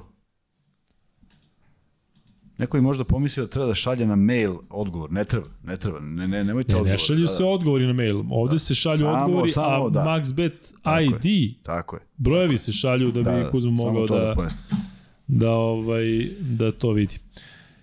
Šta si rekao? E, nemam pojem. Dobro. Koliko ima u live? U, u live-u 2567. Gori. Divno, divno. I svi čekaju Kuzma da ti kažeš šta Ja Zvezda da sutra kažem. protiv Monaka radi i kako ćeš ti da preživiš to sad kad ti gori u glavi u onakvoj atmosferi. E, mnogo je, mnogo je naporno, majke. Baš je naporno. Ali stvarno bučnije ima neki. E, ali ima neki futbol. Ima neki futbol, Darko mi rekao, ima neko, neko dešavanje, da će kroz studiju možda biti kraće. Stvarno je napor, zato što su svi ti zvučnici okrenuti tako i galama kad ulete, a mi nemamo slušali. Izvini, nisam te skapirao da ti je veći napor studio ili sam meč? Ili sve zajedno? Studio, zato što nemam slušalice. Aha, Kad ih imam, onda mogu normalno da pričam, čujem se. Ovako, ja mislim da se uopšte ne čujem, pa se dernem bez veze. i mnogo se naprašim. više puni ranije nego, nego, Da, da, nego da, da, da, prethodnih. da. U 5 i 10 je prošli dan, prošla, prošla utakmica bilo 2,5-3 ljudi. Mislim, već svi sede tu i muzika konstantno radi. A, sutra da očekujemo, ja mislim, kraće studio, ali vidjet ćemo. I sutra opet ne igra Bentil, vrlo verovatno. Po onome što Biti sam ovde i za čuo. Vildosu, tako da, Da. Kuzma ti sad A za kreni pa Vildosu, a za Vildosu, čekaju tvoju to što informaciju je on inside. bio... E sad slušajte, pardon. za Vildosu ja ga ne bih stavio, iz prostog razloga što mislim da je rano. Te kretnje koje je imao i to kod šutića, trte mrte, to je jedna priča. Kad krene utakmica, to bude potpuno drugačije. Dobra okolnost što nije bilo rupture, ali zaista treba da imaju medicinski tim koji to može da proceni. I on je morao da odradi nekakve treninge. Možda ću raditi sutra ujutru neke, neke, neka opterećenja da bi shvatio da li to može da se uradi i mislim da će, ako bude igra, igrati na svoju odgovornost. Svi smo to radili, specifičan je moment u sezoni, ta pobeda Zvezdi mnogo znači, poraz i dalje Zvezda održava tu konkurentnu, ali pobeda znači da, još mnogo. nije biti ili ne biti, ali je mnogo, Nije, mnogo ali, važno. ali dve, dve kod kuće jednu dobiti jeste. To je već, jer onda se smanjuje broj onih utakmica koje Zvezda može da pobedi kod kuće. Što ne znači da u punom sastavu ne mogu da pobeđuju na strani. Daleko da isključujem tako nešto. Ali kad dobiješ dve kod kuće, koliko god da su teške, to su ti na neki način ne sigurne utakmice, ali utakmice u koje veruješ da možda pobediš mnogo lakše nego da odeš na gostovanje. Nadam se da će da će igrati i da će da će Zvezda igrati dobro. Ovo što smo gledali protiv Reala nije moglo da se pobedi, čak se bojim ni u najjačem sastavu. Ne, ne znam šta su trebali da urade. Evo danas je Nedović dao, ne, neko mi je poslao njegovu izju. Pa kaže, ne, ne vredi. Čovjek je ogroman, kaže, to je raspao ruku, to on kontroliše sve. Kaže, šta su trebali naši koš, centri da urade? Pa kaže, borili su se koliko su mogli. I stvarno je tako. Prosto viši, za, za, zagrađivo, uzima loptu. E, Nema, nemamo onako takve igrače, Mislim da će i Mitrović biti pravi, mislim da će uh, svi koji, ajde da kažem, nisu uradili to što treba da urade protiv Reala, biti mnogo slobodniji, bez nekog straha, odigrati jednu utakmicu protiv Monaka, jer mislim da ako ih ubace u ritam, kao što je to Partizan uradio, neka im to bude neki ovaj reper, mislim da može da se dođe do pobede koja bi mnogo značila. Naročito u okrnjenom sastavu. Monako trenutno ima 12-6 kao Barcelona i Real, to su timovi koji su na vrhu tabela, a Zvezda je trenutno sa skorom 9-9 e, na deobi devete pozicije sa Nadolo Efesom. E, Kuzma, Zvezda izgubila od Reala i izgubila 20 razlike. Monako je nakon preokreta dobio Olimpijakos e, u direktnoj borbi za, za, za vrh tabele. Koliko je sada ovo ona situacija u kojoj pričamo da Monako ipak sebi može da priušti da kažem jednu partiju koja ne mora, nije nije sada, oni su ostvarili pobedu u ovom Da, ove da nedelje. i sigurni su i sad oni Tako. gledaju, oni su među četiri. Nisu oni među osam, Da, da, oni da. među četiri što se vrlo gleda, ali moraš da znaš da svaki trener koji ponikne u jednom gradu želi da u tom gradu pokaže i da zna da vodi ekipu. Tako da će mm, Obradović biti motivisan za pobedu. I potpuno je normalno da bude motivisan za pobedu i samo vidimo kako će reagovati igrači iz prostog razloga što su imali izuzetno napornu utakmicu. Ranga Zvezdine protiv Olimpijakos se sve bilo samo ne lako, čak su se vratili iz mrtvih pa su uspeli da preokrenu, jer i Olimpijako su nedostaju neki igrači, a Monako mi ne deluje baš nešto mnogo okrnjen, a, osim što je James imao neki svoj spektakl, pa opet na kraju rešio utakmicu, što je, što je ironija. Negde pravda bi možda trebala da postoji, ali toga nema u životu. Tako da od njega postoji uvek preti najveća opasnost, ali on može da bude loža svoju ekipu. A, nisu se, naj, nije mi delovalo da su se bekovi Reala naigrali, nije mi delovalo da se bilo ko sa spoljne linije, osim Abrinesa koji je vratio Barcelonu unazad nekoliko utakmica naigrao, možda može da se i James zaustavi na taj način, neka deli lopte, neka to rade drugi. Mislim da u ovakvom izdanju, sa, u sličnom izdanju Zvezde kao protiv Reala, da Zvezda može da igra mnogo bolju utakmicu i da bude bliža pobedi. Koliko može da bude motiv kada već pričaš o motivaciji Obradovića, koliko može da bude motiv ta informacija od danas da je Monako dobio uh, standardno mesto, odnosno u Euroligi? Posebno za igrače koji možda sledeće godine neće biti tu. Ne mislim da niko ne planira da odigra do kraja karijere u Monaku. Možda neki planiraju, ali... Jel to ima neki, nijeste neki faktor? Mislim da ne. Mislim, može da racionalizuje i kaže... Ili da ti kažu, da- sad baš nas briga, igraćemo pa ćemo Može igrati. i to, ali znajući njega koji je trenirao prvi i dolazio prvi na trening i stavljao prsluk sa tegovima i Saša. trčao stepenice, da, uz pionir dok su svi pristizali na trening, to je ipak malo teže da se desi. Ali da li će motivisati sve igrače na taj način koji kad to čuju podsvesno znaju da više nema sad te bitke koja mora. Sad je mnogo lakše. Pritom i senke mislim da mogu da urade mnogo veće štete nego da budu uh, među prve četiri. Ja kad bi birao da sam Da. da. oni, gađao bi to neko... Posebno sa onim domaćim bi, terenom da, njihovim. možda bi gađao nekoga ko mi najviše odgovara, pa ako mogu to da izaberem. Ali da bude među prve četiri da bi se igralo, mm, ne nužno. Koliko za Monako može da bude faktor to što su izgubili pre nekoliko dana u Beogradu? Pa da, Pa sad sad dolazi. hoće da popravi utisak, ali videlo se zašto, zašto su izgubili. Videlo se način kako su izgubili. Pa to treba bude neki recept. U ostalom, uh, njihov položaj na tabeli i današnja utakmica Makabi i Partizan ne govori da je realno da Partizan pobedi, ali Partizan imao fenomenalno izdanje. Dakle, Partizan je odigrao dobru utakmicu. Kao što je danas odigrao lošu, tako i oni mogu da odigraju lošu utakmicu. Uh, mislim da i ta atmosfera možda neće uticati, uticati na Jamesa, možda će uticati na neka dva igrača koji su vrlo bitni. Možda neće ni na koga. Možda će podbaciti kao što je danas uh, Makabi šutirao trojke. Sve to otvoreno i sve je moguće. Mnogo je kratak raspored između utakmica da bi se podizala forma baš na, na, na, na dnevnom nivou. Prema tome, dobro će biti skautirani i proceniti šta su rizici koji mogu da se tolerišu, neke stvari dozvoliti svesno, neke stvari blokirati po svaku cenu, sigurno postoji strategija, ali opet se vraćamo na ono što Ivanović rekao, on hoće konstantno 40 minuta odbranu. Ako to Zvezda stvarno uradi on bude zadovoljan, mislim da neće biti problem. Je li to moguće da se igra u Euroligi 40 Nije. minuta odbrana? Nije. Pa koje je onda rešenje? Pa kad kaže 40 minuta, to znači fokus, ne baš da si ti sad u stavu pa pucaju patike i otpadaju džonovi, nego jednostavno da si ti neke stvari predupredio. Možeš da je preduprediš i da stojiš ravno, ali da stojiš na dobroj poziciji. Ne moraš ti da budeš u stavu i da imaš grimasu na licu i da kaplje znoj, nego jednostavno da neke stvari u kretnjama koje su dogovorene budeš na pravim pozicijama. Ona igrač koji uvek rotira sa, sa čelnom linijom, mora bude inteligentan čovjek, ne bude bilo ko. Dakle, da osjetiš kada treba da pomogneš. Ako si ti na dobroj poziciji, taj igrač beži, nema udvajanja. Tako da ima tu mnogo finesa gde možeš da radiš, a da nisi nenormalno potrošen. E, a Kuzma, koliko je realno možda da Zvezda zaista gleda onaj meč između Partizana i Monaka i da, da, da preslika neke stvari? Ja bi taj gledao. Pa koji drugi, tako? Hm? Pa i koji drugi, Taj zaista Monaku, pa, da, u Beogradu. Pa, da, u Beogradu, tako je, šta, šta ne, treba da... Vanček, možda staviš ovaj polo, imali smo kada je Obradović dolazio sa Monakom protiv Partizana, pa ćemo staviti sad kako treba dočekati Saša Obradović sutra. Ne sutra. Kako treba dočekati Saša Obradović, nemoj sutra, sutra, to već danas. Sutra. Da, da. sutra već dan kasnije. Sutra neka ga... treba ispratiti. Zvižducima, aplauzima ne, ne, ili e, treća, treća opcija, možemo da stavimo šta, nešto treće. da, da, nešto treće može bude što god. Nešto treće. Ne, mislim da je, kažem, ja ponavljam, Obradović je neko ko je najviše voleo da se njegov dolazak u Zvezdu odigra drugačije, pogodio ga je COVID i ni jedna utakmica sa navijačima koji bi mu sigurno ulili to neko samopouzdanje, da li je ušla nervoza, da li je sve to uticalo. Vidi ti kažem jednu stvar, i oni su svi prošli COVID. Da li je i to uticalo na neku nervozu dodatno, otkud mi znamo kako se kome odrazilo. Dakle, nije okay. samo, samo nije funkcionisalo kako su svi zamislili da će funkcionisati. Jer ne postoji ni jedan čovjek iz košarke kojeg sam sreo u tom periodu. Ni jedan, doslovce ni jedan. I ima taj mrgut Darko Rusu koji uvek nađe neku manu. Čak i on bio saglasan da je to prava stvar. Dakle, nisam našao ni jednog čoveka koji bi rekao zar, nego baš ono kao napokon, otprilike, to je to.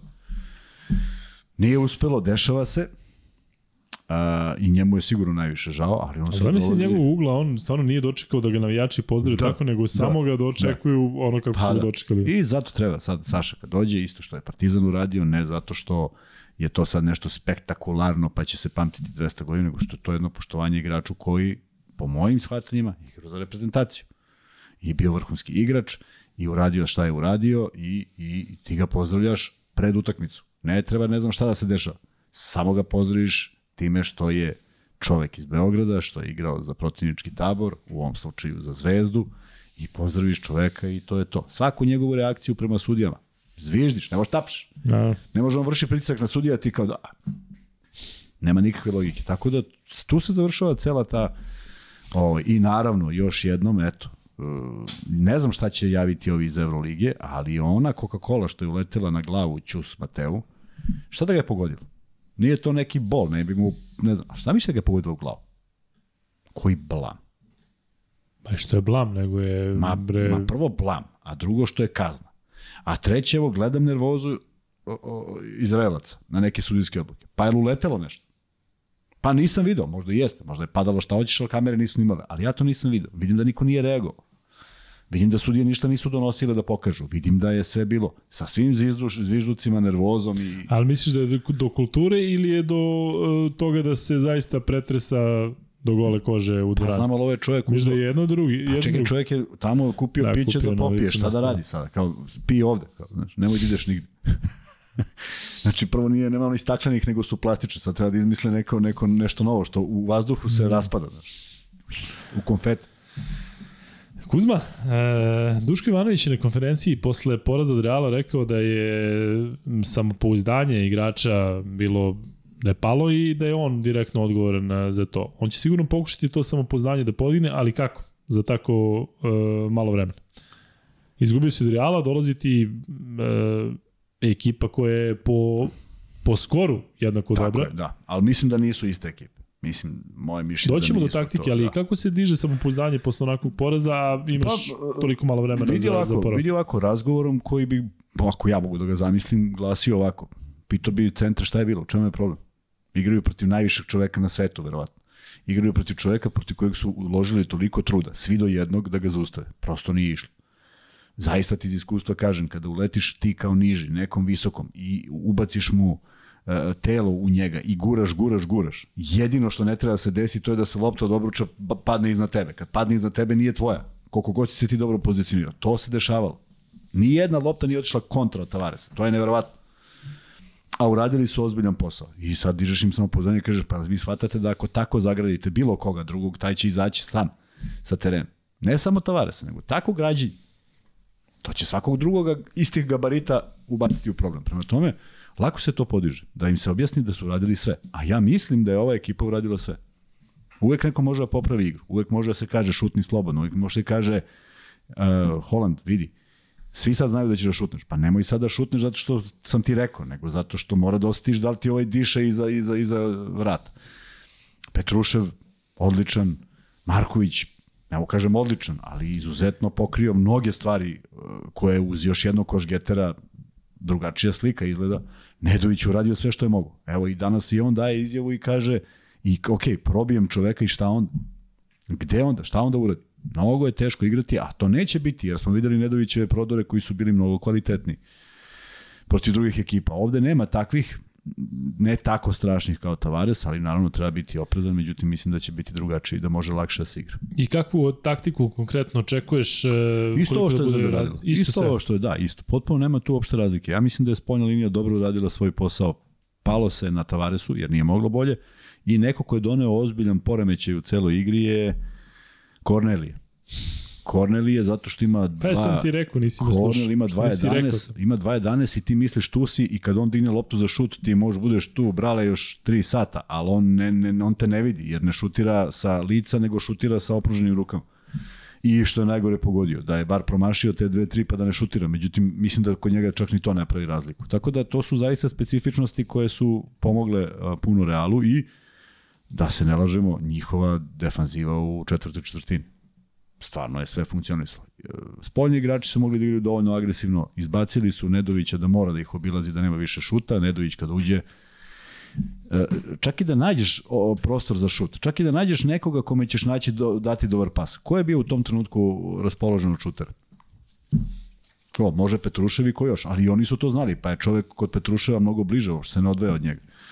Prema tome, Zvezda ima vremena da, da, da prođe taj trening, on će vjerojatno biti duži nego uobičajeno, ali ne mislim da će biti intenzitetom predug, jednostavno će proći taj, prošli su verovatno danas taj trening, shvatili kako igra Monako, možda imali prilike da ako nisu uživo, da pogledaju utakmicu koju su odigrali, da steknu neko, neko, neko saznanje ko šta kako, da svako vidi protiv koga će da igra, da vidi šta je radio na toj utakmici, da vidi da je i tu bilo propusta fantastičnih, ali da su pobedili. Ono što se jedino računa. Da. Crvena zvezda je pobedila Monako samo u prvom okršaju i to je bilo u Evrokupu one 2018. godine. Posle toga je Monako dobio sve meče protiv Crvene zvezde, pa čak i jedan prijateljski. Ali Kuzma, ovaj prvi meč ove sezone, došao Vildosa, Jovanović je još uvijek bio trener, Monako je dobio rezultatom 85-77, sada se potpuno promenila situacija u smislu da je Zvezda potpuno drugačiji tim sa novim trenerom, Da. ali ne igra Vildosa. Uh, Ali... Ne znamo još da ne igra, to je sad... Pa, si rekao da ne igra, šta je sad? Pa ja jesam, ali to se... E, a Monako je dobio onaj prethodni meč u Pioniru prošle godine, kada je zaista na nevjerovatan način preokrenuo. Zvezda je tada dala 52 poena u prvom polovremenu i onda je dala 20 i nešto u, u drugom. Ali koliko Zvezda sada, ne možemo da kažem ima kompleks od Monaka, ali eto, taj Saša Bradović je u kratkom vremenskom periodu dva puta pobedio Zvezdu u različitim okolnostima, na različitim terenima i to su bila, ajde da kažem, relativno sigurne pobede, iako je ovo bilo osam razlike poslednje. Jeste, sve stoji što si rekao, ali ovo je jedan novi tim sa jednim novim samopouzdanjem od pre 10 utakmica. Pre toga bi bilo verovatno slično onome što pričamo. Ovako, Uh, mislim da će mnogo fokusiraniji, mislim da će mnogo spremniji, da će da nisu izgubili veru u sebe, da ova utakmica, kao što sam rekao i moje mišljenje da o, o jedna od ove dve, verovatno bi splaslo taj entuzijazam da je pobeđen Real. Da je u nekom ludilu pobeđen Real, ko zna kako bi izgledala ova utakmica i da li bi je bila, da li bi bila tog nivoa iz prosto pražnjenja ljudi. Ali evo prilika da se odigra nešto što, što može mnogo da znači, ta pobeda sigurno Zvezdu vraća onako na jednu dobru poziciju i to treba da imaju u glavi. Mislim da Monako može da se pobedi, mislim da mogu i oni da uđu u jednu, u jednu lošu igru, ali prepoznati rizike. Šta treba rizikovati? Video si, ne znam ko je prokomentarisao, danas je neko dobio troj, loptu i šutnu trojku, da mu je prva trojka. Neverovatno, znaš, to, to stvarno kad... Ali ajde da verujemo da neće pogađati baš drugu trojku u karijeri ovaj, e, danas. Prema tome, verujem u dobru utakmicu i verujem da će da će ovaj Zvezda izbeći ovu ovu ovu drugu četvrtinu i taj neki neke prazne minute kada moraju da se dese i da će biti mnogo konkurentnija i da u tu neku četvrtu, ako uđu protiv Monaka u egalu ili sa prednošću, da to mogu da održe. E, da, e, postoje ozbiljne dodine tačke između Ivanovića i Obradovića. Koji su klubovi gde su igrali zajedno? Gde su bojice, u, ne u isto vreme, ali igrali su u kom, kojim klubovima jedan i drugi? Stvarno, igrali su istim klubovima? Pa su igrali u budućnosti. A jesu. o čoveka je. I gde da, su još da. igrali? U Friburgu obojica. Nisu. Ali ne slično, vidiš, ovaj je otišao u Freiburg, ovaj je otišao u, u, u Albu, u smislu u tom trenutku nemačka košaka nije bila... Ne, on je Sale ozbiljno tamo uradio da, da on je podigao njih, podigne, a onda su obojica počeli trenerske karijere, ovaj u Švajcarskoj, ovaj u, u, u Nemačkoj. Ali, koji je još jedan klub gde su se za malo mimo išli? E, to ne znam. Limož. Je li jesu, a? Da, da, za malo. Ivanović igrao, e, ja mislim možda sezona i po. Ne vrem da je baš sezona za sezonom. Ali eto, interesantan taj, taj e, moment između, između njih dvojice. Naravno, u budućnosti potpuno drugačiji. Ivanović je tamo bio koliko da, dugo, a da, da, Obradović koliko tu, se zadržao? Pa kratko. Koliko Mislim da je meseci? To... Nije sezona i nešto, nije nego sezona, samo jedna. Da, da. E... Jednom prilikom kad ga budemo pozvali da nam ispriča. Mm, da. e, Kuzma, što se tiče što se tiče navijača, da li očekuješ istu energiju? Da, da, da. Da. Bez obzira da, na ovo Iako me iznenadilo, karte za Real su bile rasprodate, za Monako nisu, iako je samo dva dana. Znači, ponovo stojiš u redu. Nije realno. Tako da je malo iznenadilo. Malo mi iznenadilo, ali o, ja da verujem da će biti slično, zato što je zaista bila velika I mora podrška. Da slično. I M je bila podrška, M su igrači završili utakmicu i, i to, svi su ustali da, da, da, da aplaudiraju. Ja mislim da to genijalno i da to zaslužuju. Tako da ne vidim da je nešto drugačije na partizanovim utakmicama, naprotiv Pogotovo onda kada Partizan, kada svi vide da, da je Partizan uradio sve što može. Prema tome, to su neke divne stvari i to publika zna da, pre, da prepozna i da pozdravi. Samo tako nek nastave. Ja mislim da će ovi momci vraćati to dobrom merom ovaj, i u nastavku sezone kada se sve bude nekako dovelo u red. Uh, ipak je ovo mnogo igrača. Ipak je ovo, ajde ne računam Kampaca, ali to su i Ivanović, i Vildosa, i Martin, i Bentil. Da.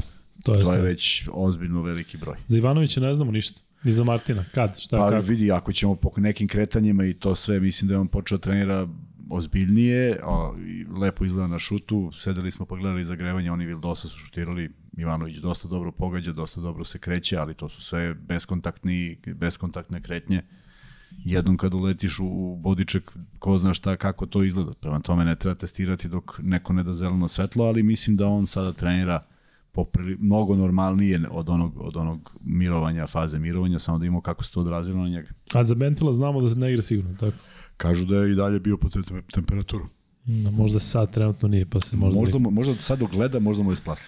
Da, ništa, Kuzma, ti odmori malo, ja ću kao što sam juče iskautirao Makabi, da samo kažem, pošto sam onako radio u ovom posljednjem meču protiv Olimpijakosa, komentarisao sam taj duel koji je bio katastrofa za, za, za gledanje, mnogo promašaja, mnogo grešaka, mali broj poena, e, potpuno drugačiju u odnosu na ono što su jedni protiv drugih igli prošle sezone u play-offu, ali e, Monako je počeo meč protiv e, sa petorkom Blossom Game, Brown, e, James, Motijunas i Okobo. Ja očekujem da nešto slično bude i sutra, ne bi trebalo da igraju, e, odnosno Moerman i e, Jordan Lloyd ne bi trebalo da igraju koliko, koliko sam ja vidio, nisu igrali na ovom posljednjem meču.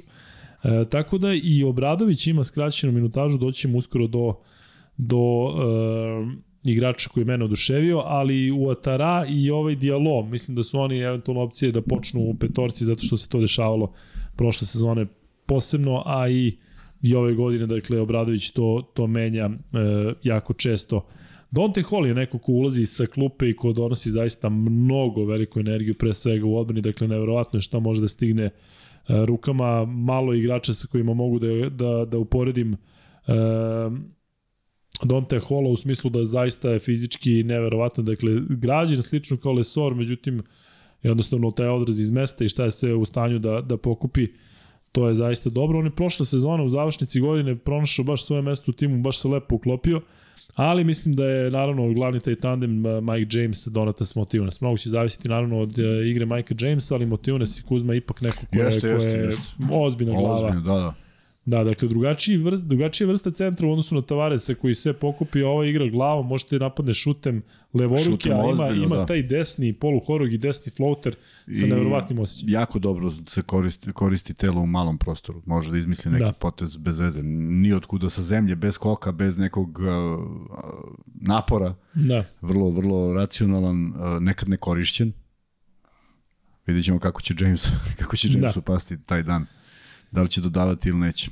E, Elio Kobo je neko koga, za koga ja mislim da se dešavalo da ga pojede atmosfera. Dakle, on u nekim onako jakim atmosferama nije baš znao da odreaguje kako treba. E, tu je John Brown, za koga se sećate, Kudma, sećaš i ti kako je sa osmehom pratio Sećam ono... Se, da sa Unixom prošle godine kako je Ali on igra nešto odobravo. u smanjenoj minutaži. Igra, ali je imao jedan e, težak udarac pa je nešto na nosilima dobio nešto povredu sličnu, Kada? sličnu Ivanović pre mesec dana pa Aha, se vratio, ali ga je to onako nešto, da. poremetilo, a onda ga je Vezenkov razvalio laktom ovaj, pre dva dana, znači ne, mogu, ne možeš da veruješ koji je on udarac bio, da je hteo da bije sudije. Pa John Brown koji je generalno, ma ne može da... Ispred hale. Ovaj, to, nisi vidio to. Mm. Nisi vidio, dakle, uh, suluda situacija. Vezenkov naleće na njega laktom, ali to je zaista nokaut. Direktno lakat u glavu i zaista ga nije video. Dakle, nekako se okrenuo i podigao lakat, ovaj pada, uh, broji mu se do 10. A slučajno? Slučajno je. Ali gleda se da li je namera i Vezenkov koji diže ruke, znači svi, Vezenkov smata da nije faul. Zato što jednostavno nije video, znaš, okrenuo se jedno, ali ga je odvalio. Brown koji hoće da pokida sudije i sudije koji su negde između kao, pa daj da vidimo da li je nameran faul, ali nema namere. Dakle, jednostavno odvalio ga, baš ako možeš vrati, to mislim da je bila druga četvrtina. Dakle, Vezenko misli da nije faul, Brown misli da ovog treba da, da suspenduju i da. sudije koje opet onako okupe se i njih trojica razmišljaju Ko šta pričaju gde ćemo, da. Ovaj, ali onako je zaista imao čudno suđenje protiv Olimpijakusa, mnogo uh, grešaka na, na, na njihovu štetu. Ali dobro, Blossom Game je meni neko ko, ko mislim da nije opravdao očekivanja ove sezone u Monaku i mislim da je čak možda i, i onako iznenađenje što je uopšte došao u, tako, u, u, u ekipu, ja njega cenim, ali mislim da je na ovom nivou nije u stanju da odigra dobro i dolazimo do momka koji se zove Makundu. Kuzma, Jon Makundu. To se nećem da sam ikada video da neko tako mlad odjednom eksplodira. Dakle, on, koliko sam ja, možda mi je promaklo, ali nije igrao ništa u Euroligi. Dakle, ako je, ako je bio u ekipi, on je sedao na klupi. Momak 22 godine. Blokada, zakucavanje, šut, skok, dakle potpuna nepoznanica. Sve, ja. Ali potpuna nepoznanica, dakle jednostavno nemaš kako da skautiraš igrače koji nije igrao, ni nešto malo igrao u francuskom prvenstvu. Tako da će meni biti interesantno da vidim kako će e, snaći. Kako će Makundu igrati sutra. Toko kao Boriša banana protiv Reala pa trči i zakuca. Ne može da I pomisliš šta li će sutra da radi, a ono kako je, sutra nikad nije došlo. Znaš kako skače Mekisik i koliko je eksplozivan. Da. Znaš kako ga je zalepio. Ali kad je krenuo da na neku loptu koja se odbila, kad je krenuo da zakuca preko Vezenkova i odrazio se tipa ono sa penala i nije dohvatio kako treba i pritom pazi takav onako viđe Stonije, otprilike Znaš onaj što je promašio bacanja protiv Zvezde, onaj Pons. Aha. Sličan tip igrača. građa Da, ali ima ima me, mekšije i ima ima i bolji šut, onaj jadan ne može da pogodi, ne može da pogodi ništa. Čak mislim da su isto godište su igrali zajedno u mlađim selekcijama uh, reprezentacije da su bojica 2002. E, tako da to je to što se tiče Monaka, dobro poznajemo tu ekipu, dakle da, isti su igrači, ostali manje više ovi glavni yes. od prošle godine.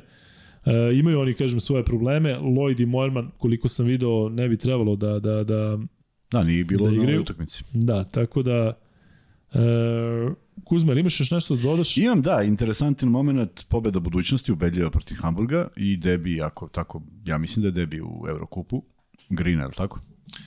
Ne znam da li je igrao onu prethodno iskreno. To sam, to sam negdje hteo da ako nađem, ali... nije, ako nije, ako jeste, jedan, jedan odličan moment za njega. E, ako imaš tu da pogledaš Zašto za Grina? Da li je igrao ili da Ne pogledamo da li igramo, statistiku? pogledamo statistiku, da. Mislim da je prilično impresivno, ja ću to otvorim ovdje. Eric Green 22 poena, dve asistencije, 6 od 8 za 2, 3 od 5 za 3 za 21 minut. Tako, dakle, Green da, se to neverovatno jest. čak i ako mu je drugi meč, ovo je za svaku Jest, pohvalu. tako da eto to je to je neka dobri dobri nagoveštaj da će budućnost uh, ako to sve tako bude izgledalo uh, igrati igrati bitno bitno bitniju ulogu i u Evrokupu, a samim tim on sad treba da pojača i Tako neke je. ambicije u Jadranskoj ligi iz prostog razloga što ovaj budućnost nije na onom nekom željenom mestu. Ne, ovo mu je prva utakmica 22 poena je dao, to je to. JJ O'Brien je takođe tu, on tačno ima onu statistiku koja se njega očekuje, takav je bio u Ostani, takav je bio gde god je igrao, dakle JJ O'Brien je na, na ovom meču protiv Hamburga u pobedi imao, pazi ovo Kuzma, statistika kako ti voliš, onako u stilu Jagodića 4 Kurića. 5 6.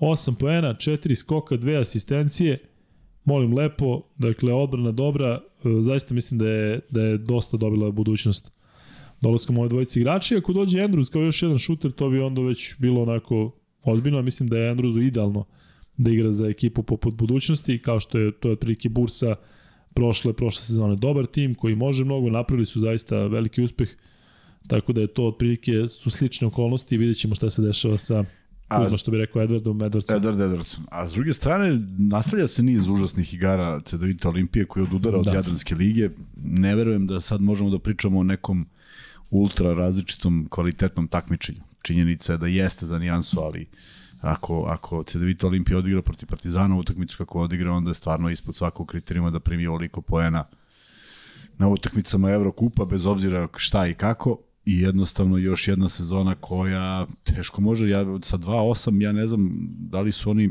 da ću da pogledam, sa 2-8 su oni, Poslednji su oni. Poslednji su u grupi. ne gledam koji mi da, i Kluž ispred njih sa 3, dakle, Da. šansa da u... Jurlet Kabelis. Da, ima još da se igra, ajde sad ne možemo Ali- da grešimo, ima još 8 utakmica, ali, Ali pogledaj na vrhu bude... tabele 6-4 koliko ima ekipa, dakle može da se promeni to, ali Može, četiri ekipe Teško. su od drugog do petog su 6-4, samo je Burg 7-3, a ovde je Gran Canaria 8-2, dve ekipe sa 7-3 i tri ekipe sa 6-4, to je neki taj sastav koji će teško da se promeni. Interesantno su Lions, London Lions i mogli da budu na 5-5 da ih nije pobedio Hapoel koji je takođe mogu da bude na 5-5 da nije pobedio. Tako da Ima tu neke interesantnoće, ali ne i pretredno kvaliteta. Ja bih volao da vidim budućnost ipak da dogura što dalje može. Sad sa ovim nekim pojačanjima možda i može. ja mislim da je budućnost u top 5 favorita za, za osvajanje. Pa da, ali to treba... Nezgodan je sistem takmičenja, znaš. Ne znaš s kim ćeš da ukrstiš, ni šta će da se desi, ni ko šta kako. Jedna A budućnost baš nije da sad ima domaći teren da kažeš da, Da, da, da, je da. to neka značajna prednost. Nije ove nažalost. godine, nažalost. Nije. Ajde da vidimo da li će ova igra promeniti prisustvo većeg broja ljudi, jer ja znam kako izgleda kad je morača puna, a znam i kako izgleda kad je prazna, tako da... Ovo je svako prvo prijatnije. Da, ali ne može da se poredi ono u odnosu na onaj period kad si ti igrao, tako? Nije blizu. Ne može. Zaista je bilo i spektakularno i probudili su se navijači koji su tu prvu titulu faktički osvojili u vreme bombardovanja, pa nije ni bilo vremena za slavlje, onda dolazimo mi i onda pravimo tu tu seriju. Nadovezujemo se na tu sezonu i pravimo tih 55 pobeda u nizu, što je Radonjić oborio u nekom momentu u Zvezdi. E, ništa, došli smo do samog kraja. Kuzma ima da iščita uh, ovo ove fantazije. fantazije. Vanček, daj fantazije. Kuzma, hoćeš treći free bet sad ili posle Posle fantazije? fantazije. Ajde, Da, taman da ja odmorim malo, sistignem ti cep. a ja onda moramo pre. Nemoj da žuriš uopšte. Evo nas, e, NBA Liga, Bubanj, Niš, 7789, zato što je i u ovom kolu osvojio 302 boda. Sad ja ne znam, ovo deluje da mnogo ovih 300 i nešto, 400, 449, a?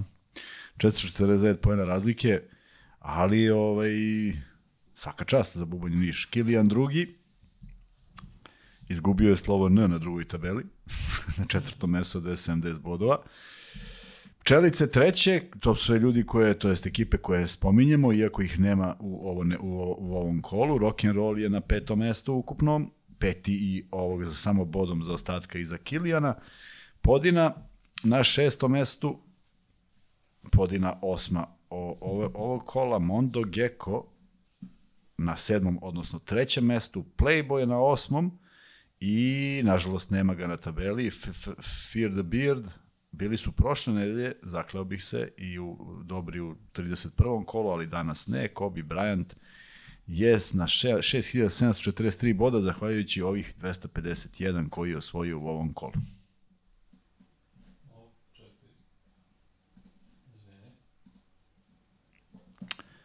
U, kako se lepo menja, Vanja. Kakav prelaz.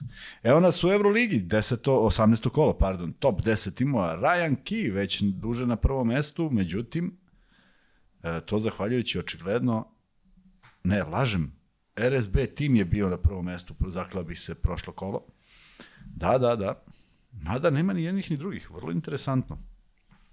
Možda nisu igrali. Avijatičari treći, Alex Smederevo četvrti, Twente dva, Frangola sa Trijale, Pevci osmi, Dobrići deveti, Piki Blinders su pali, bili su negde u vrhu na polovini uh, prvog dela Euroligije, 2699 bodova. Stella Rosa prva o, u ovom kolu, you Makabi. Na drugom mestu Marusi Dušmanić, Dušmanik. Treći, Partizan Žoc, Žoc kad ima slobodno vreme igra fantasy. Crvena zvezda B ekipa 159, KC korporacija ta, isto, uj, malce vidio po 159. Mezimac i Mezimica na osmom mestu, Varadin 156, baš kao i Vodokomci, Vodokomci. Vidi bre, mi smo odlični sa 112 bodova, baš sam zadovoljan. Imam jedan predlog kad završiš. Jedan poseban naziv Mrtvi dom, tu već u Evrokupu duže vremena. Rođe Ričić na drugom mestu, nema rođe na, u ovom kolu, a nema ni mrtvog doma, ili sam ja Ćorov. Ćorov jesam, ali ih nema. Sjena treća, sve po spisu četvrti KK Leskovac. Na petom mestu centar uvek daje. Šta beše centar uvek daje poena? Centar uvek daje nešto. Nema ih u ovom kolu. Vidi kako to je interesantno, skoro da nema nikoga. Điglo na sedmom, Borac Nektar, KK Nikšić, pretpostavljam KK Čekić. I onda 10 novih, ne, Nikšić je tu, deveto plasirani Nikšić je tu sa 24 bodova. I onda 10 novih imena, 9 novih imena, New Belgrade 011, KK Nik, NK, totalna popinacija, Cipiripi Kup, Mufloni, Đerenka, KK 1309, Sija, šta smo svi? Šta piše dole? Creni smo svi. Creni smo svi, svi smo creni. Pa verovatno fali V. Je, Crveni moguće. smo svi. Ili, ili ko zna šta, možda baš Da, da. I riblja čorba sa 180, Skyman 125, uopšte nismo loši. E, imam predlog Vanček za sutra, pošto smo rekli da ćemo sutra pričati malo više o NBA ligi, da napravimo u live-u ovaj, naš fantasy NBA, ima ono uđemo, ne znam šta, lepo ja i ti se iskonsultujemo Kuzma da neki predlog, možda nam pomognu malo i ovi naši i da napravimo live, odnosno za fantasy, tako da Marko, ono što sam obećao, gledat ćemo da odradimo sutra, ja ako zaboravim, Vanja će mi podsjetiti. E, Kuzman, smo došli do 14.000 ili smo prišli da znamo Nismo, da li da ubacimo nismo. free bet? Nismo, ubacuj free bet, nećemo stići, ipak. Pa ne, ne, nego nećemo ubaciti četvrti, to hoću da kažem. Imaćemo ovaj treći redovni. 3, 3, da, 3. A samo reci koliko- 42. Fali do 42. Da, ali bit će do da. ujutru. E, u svakom slučaju, evo ga treći free bet. E, govorimo o ekipama iz regiona, govorimo o evropskim takmičenjima, redko kada pominjemo Fibinu ligu šampiona, i Gokeja je to igrala i ispala je u ovom čudnom među takmičenju. Kako se zove ekipa od koje je ispala Gokeja u Fibinu ligi šampiona? Ko prvi odgovori, dobio free bet i šalje na Luka i Kuzma at uh, gmail. Vanja, ti možeš i da ugasiš ovaj pol, kako treba dočekati Saša Obradović i Kuzma, kako, kako očekuješ? 78% lepo. aplauzima, žizducima ili neutralno, to je lepo. 78. Aplauzima 55%, neutralno 25%, zvižducima 18%. I, dobro. Na bazi. To je otprilike očekivano. To je dakle 80% Ja bih je rekao da je očekivano. 80% pozitivnih. Nenad KG 1985, Nenade, e, ja ne znam, ti si ovde odgovorio, prvo nisi odgovorio tačno, ali evo Matija je odgovorio. Matija je odgovorio Hapel Holom, Vanček, ili e, to je tačno odgovor, Matija je prvi, ili tako? E, Matija, šalješ na luka i kuzma at gmail.com maxbet.id, dakle sa naloga. E, šta je, šta se ne? Marko Mladenović kaže, ostvario sam rezultat 41% glasova da se bar par minuta priča o drugim utakmicama Euroligi. A vi ste pričali 3 minuta o London Lions.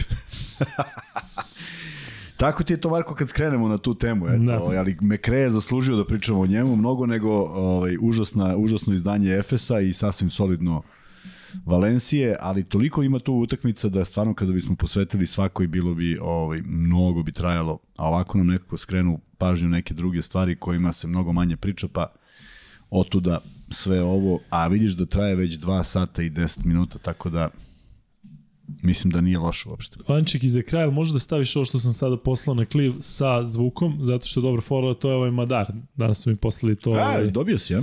Da, da, da, da vidiš samo je malo ono snimani ekran, dakle nije, nije direktno. Ali ima tona, ima. Pa ima tona, samo ovaj da Vanček to mm, da vidi da li može da se pusti i onda ćemo da se malo smemo. Hvala momcima koji su to napravili, sada sam vidio da je to ovaj Instagram nalog Luka uh, Spasovski Spasovski. page. Tako da eto zapratite te momke, podržite ih. Kuzma isto ima svoju mind page stranicu, imamo Luka i Kuzma mind page koja je i najaktivnija koliko ja znam, tako Kuzma tamo se svašta pojavljuje s vremena na vreme. Ja i ne čitam. Danas, sam, Ovaj- danas je dečko rekao da gleda sa suprugom jer je trudna i žive u Americi. Fenomenalno. I ja kažem, imam predlog za dva imena, ako, ako si deficitaran sa imenima, ne vidim da se čovjek zove Luka, što otpada automatski, tako da je ostalo Vladimir. Eto ti. I on kaže, nema problema, čim bude muško. A mogli bi da spoje to? Ali nije muško. Luka pa Vladimir. koje sam ja sreće? Da, da. E, ništa da vam kažemo da ćemo sutra raditi Kuzma kad. Ja sutra ne radim, e, ti radiš zvezdu od 7, što znači da je do kad je Opet ćemo studio? 11. Možemo da nećemo ranije. Pa možemo, mi smo juče mogli ranije. Da, oko, E, možemo- između pola 11 i 11. Pola 11 ili 11, to ćete biti obavešteni sutra. Tako da, eto, hvala vam još jednom puno, zato što je ovo bilo još jedno fantastično izdanje, preko 2500 ljudi u live-u konstantno je bilo. E, uživamo zaista da, da, da pričamo sa vama. A hoće li bre ovaj da gledamo i dalje u ekran? Sad ćemo da vidimo. Viš da Vanček to mora da, da, da nervozan, sredi. e, nervozan sam oko 2 A ti si to meni pokazao, sad si ne znam, kuda, kuda da te... Spočeo, ti si. Kakav užasan košarkaš. Carski. Pusti ga još jednom. Ma da, da, da, da, čekaj onda čini ja. Kakav užasan košarkaš. Dobre, dobre, dobri fora ima. Kakav užasan košarkaš. Odlično. Ove, u svakom slučaju, drugari, hvala još jednom. Kuzma, imaš nešto za kraj?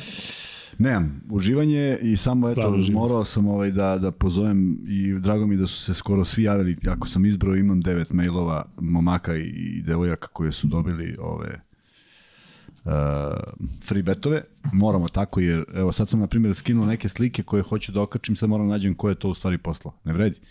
E, Prvo što nemam vremena da u, u priči smo, a stvarno hoću da to onako bude cela priča zajednička. Jedan čovjek je napisao, kaže, toliko mi je milo što ste me spomenuli, da sam nešto pitao i to je neko zadovoljstvo i naše. Dakle, očigledno poznajete stvari, očigledno ste fini ljudi koji komuniciraju kako mi mislimo da treba, bez ikakvog vređanja.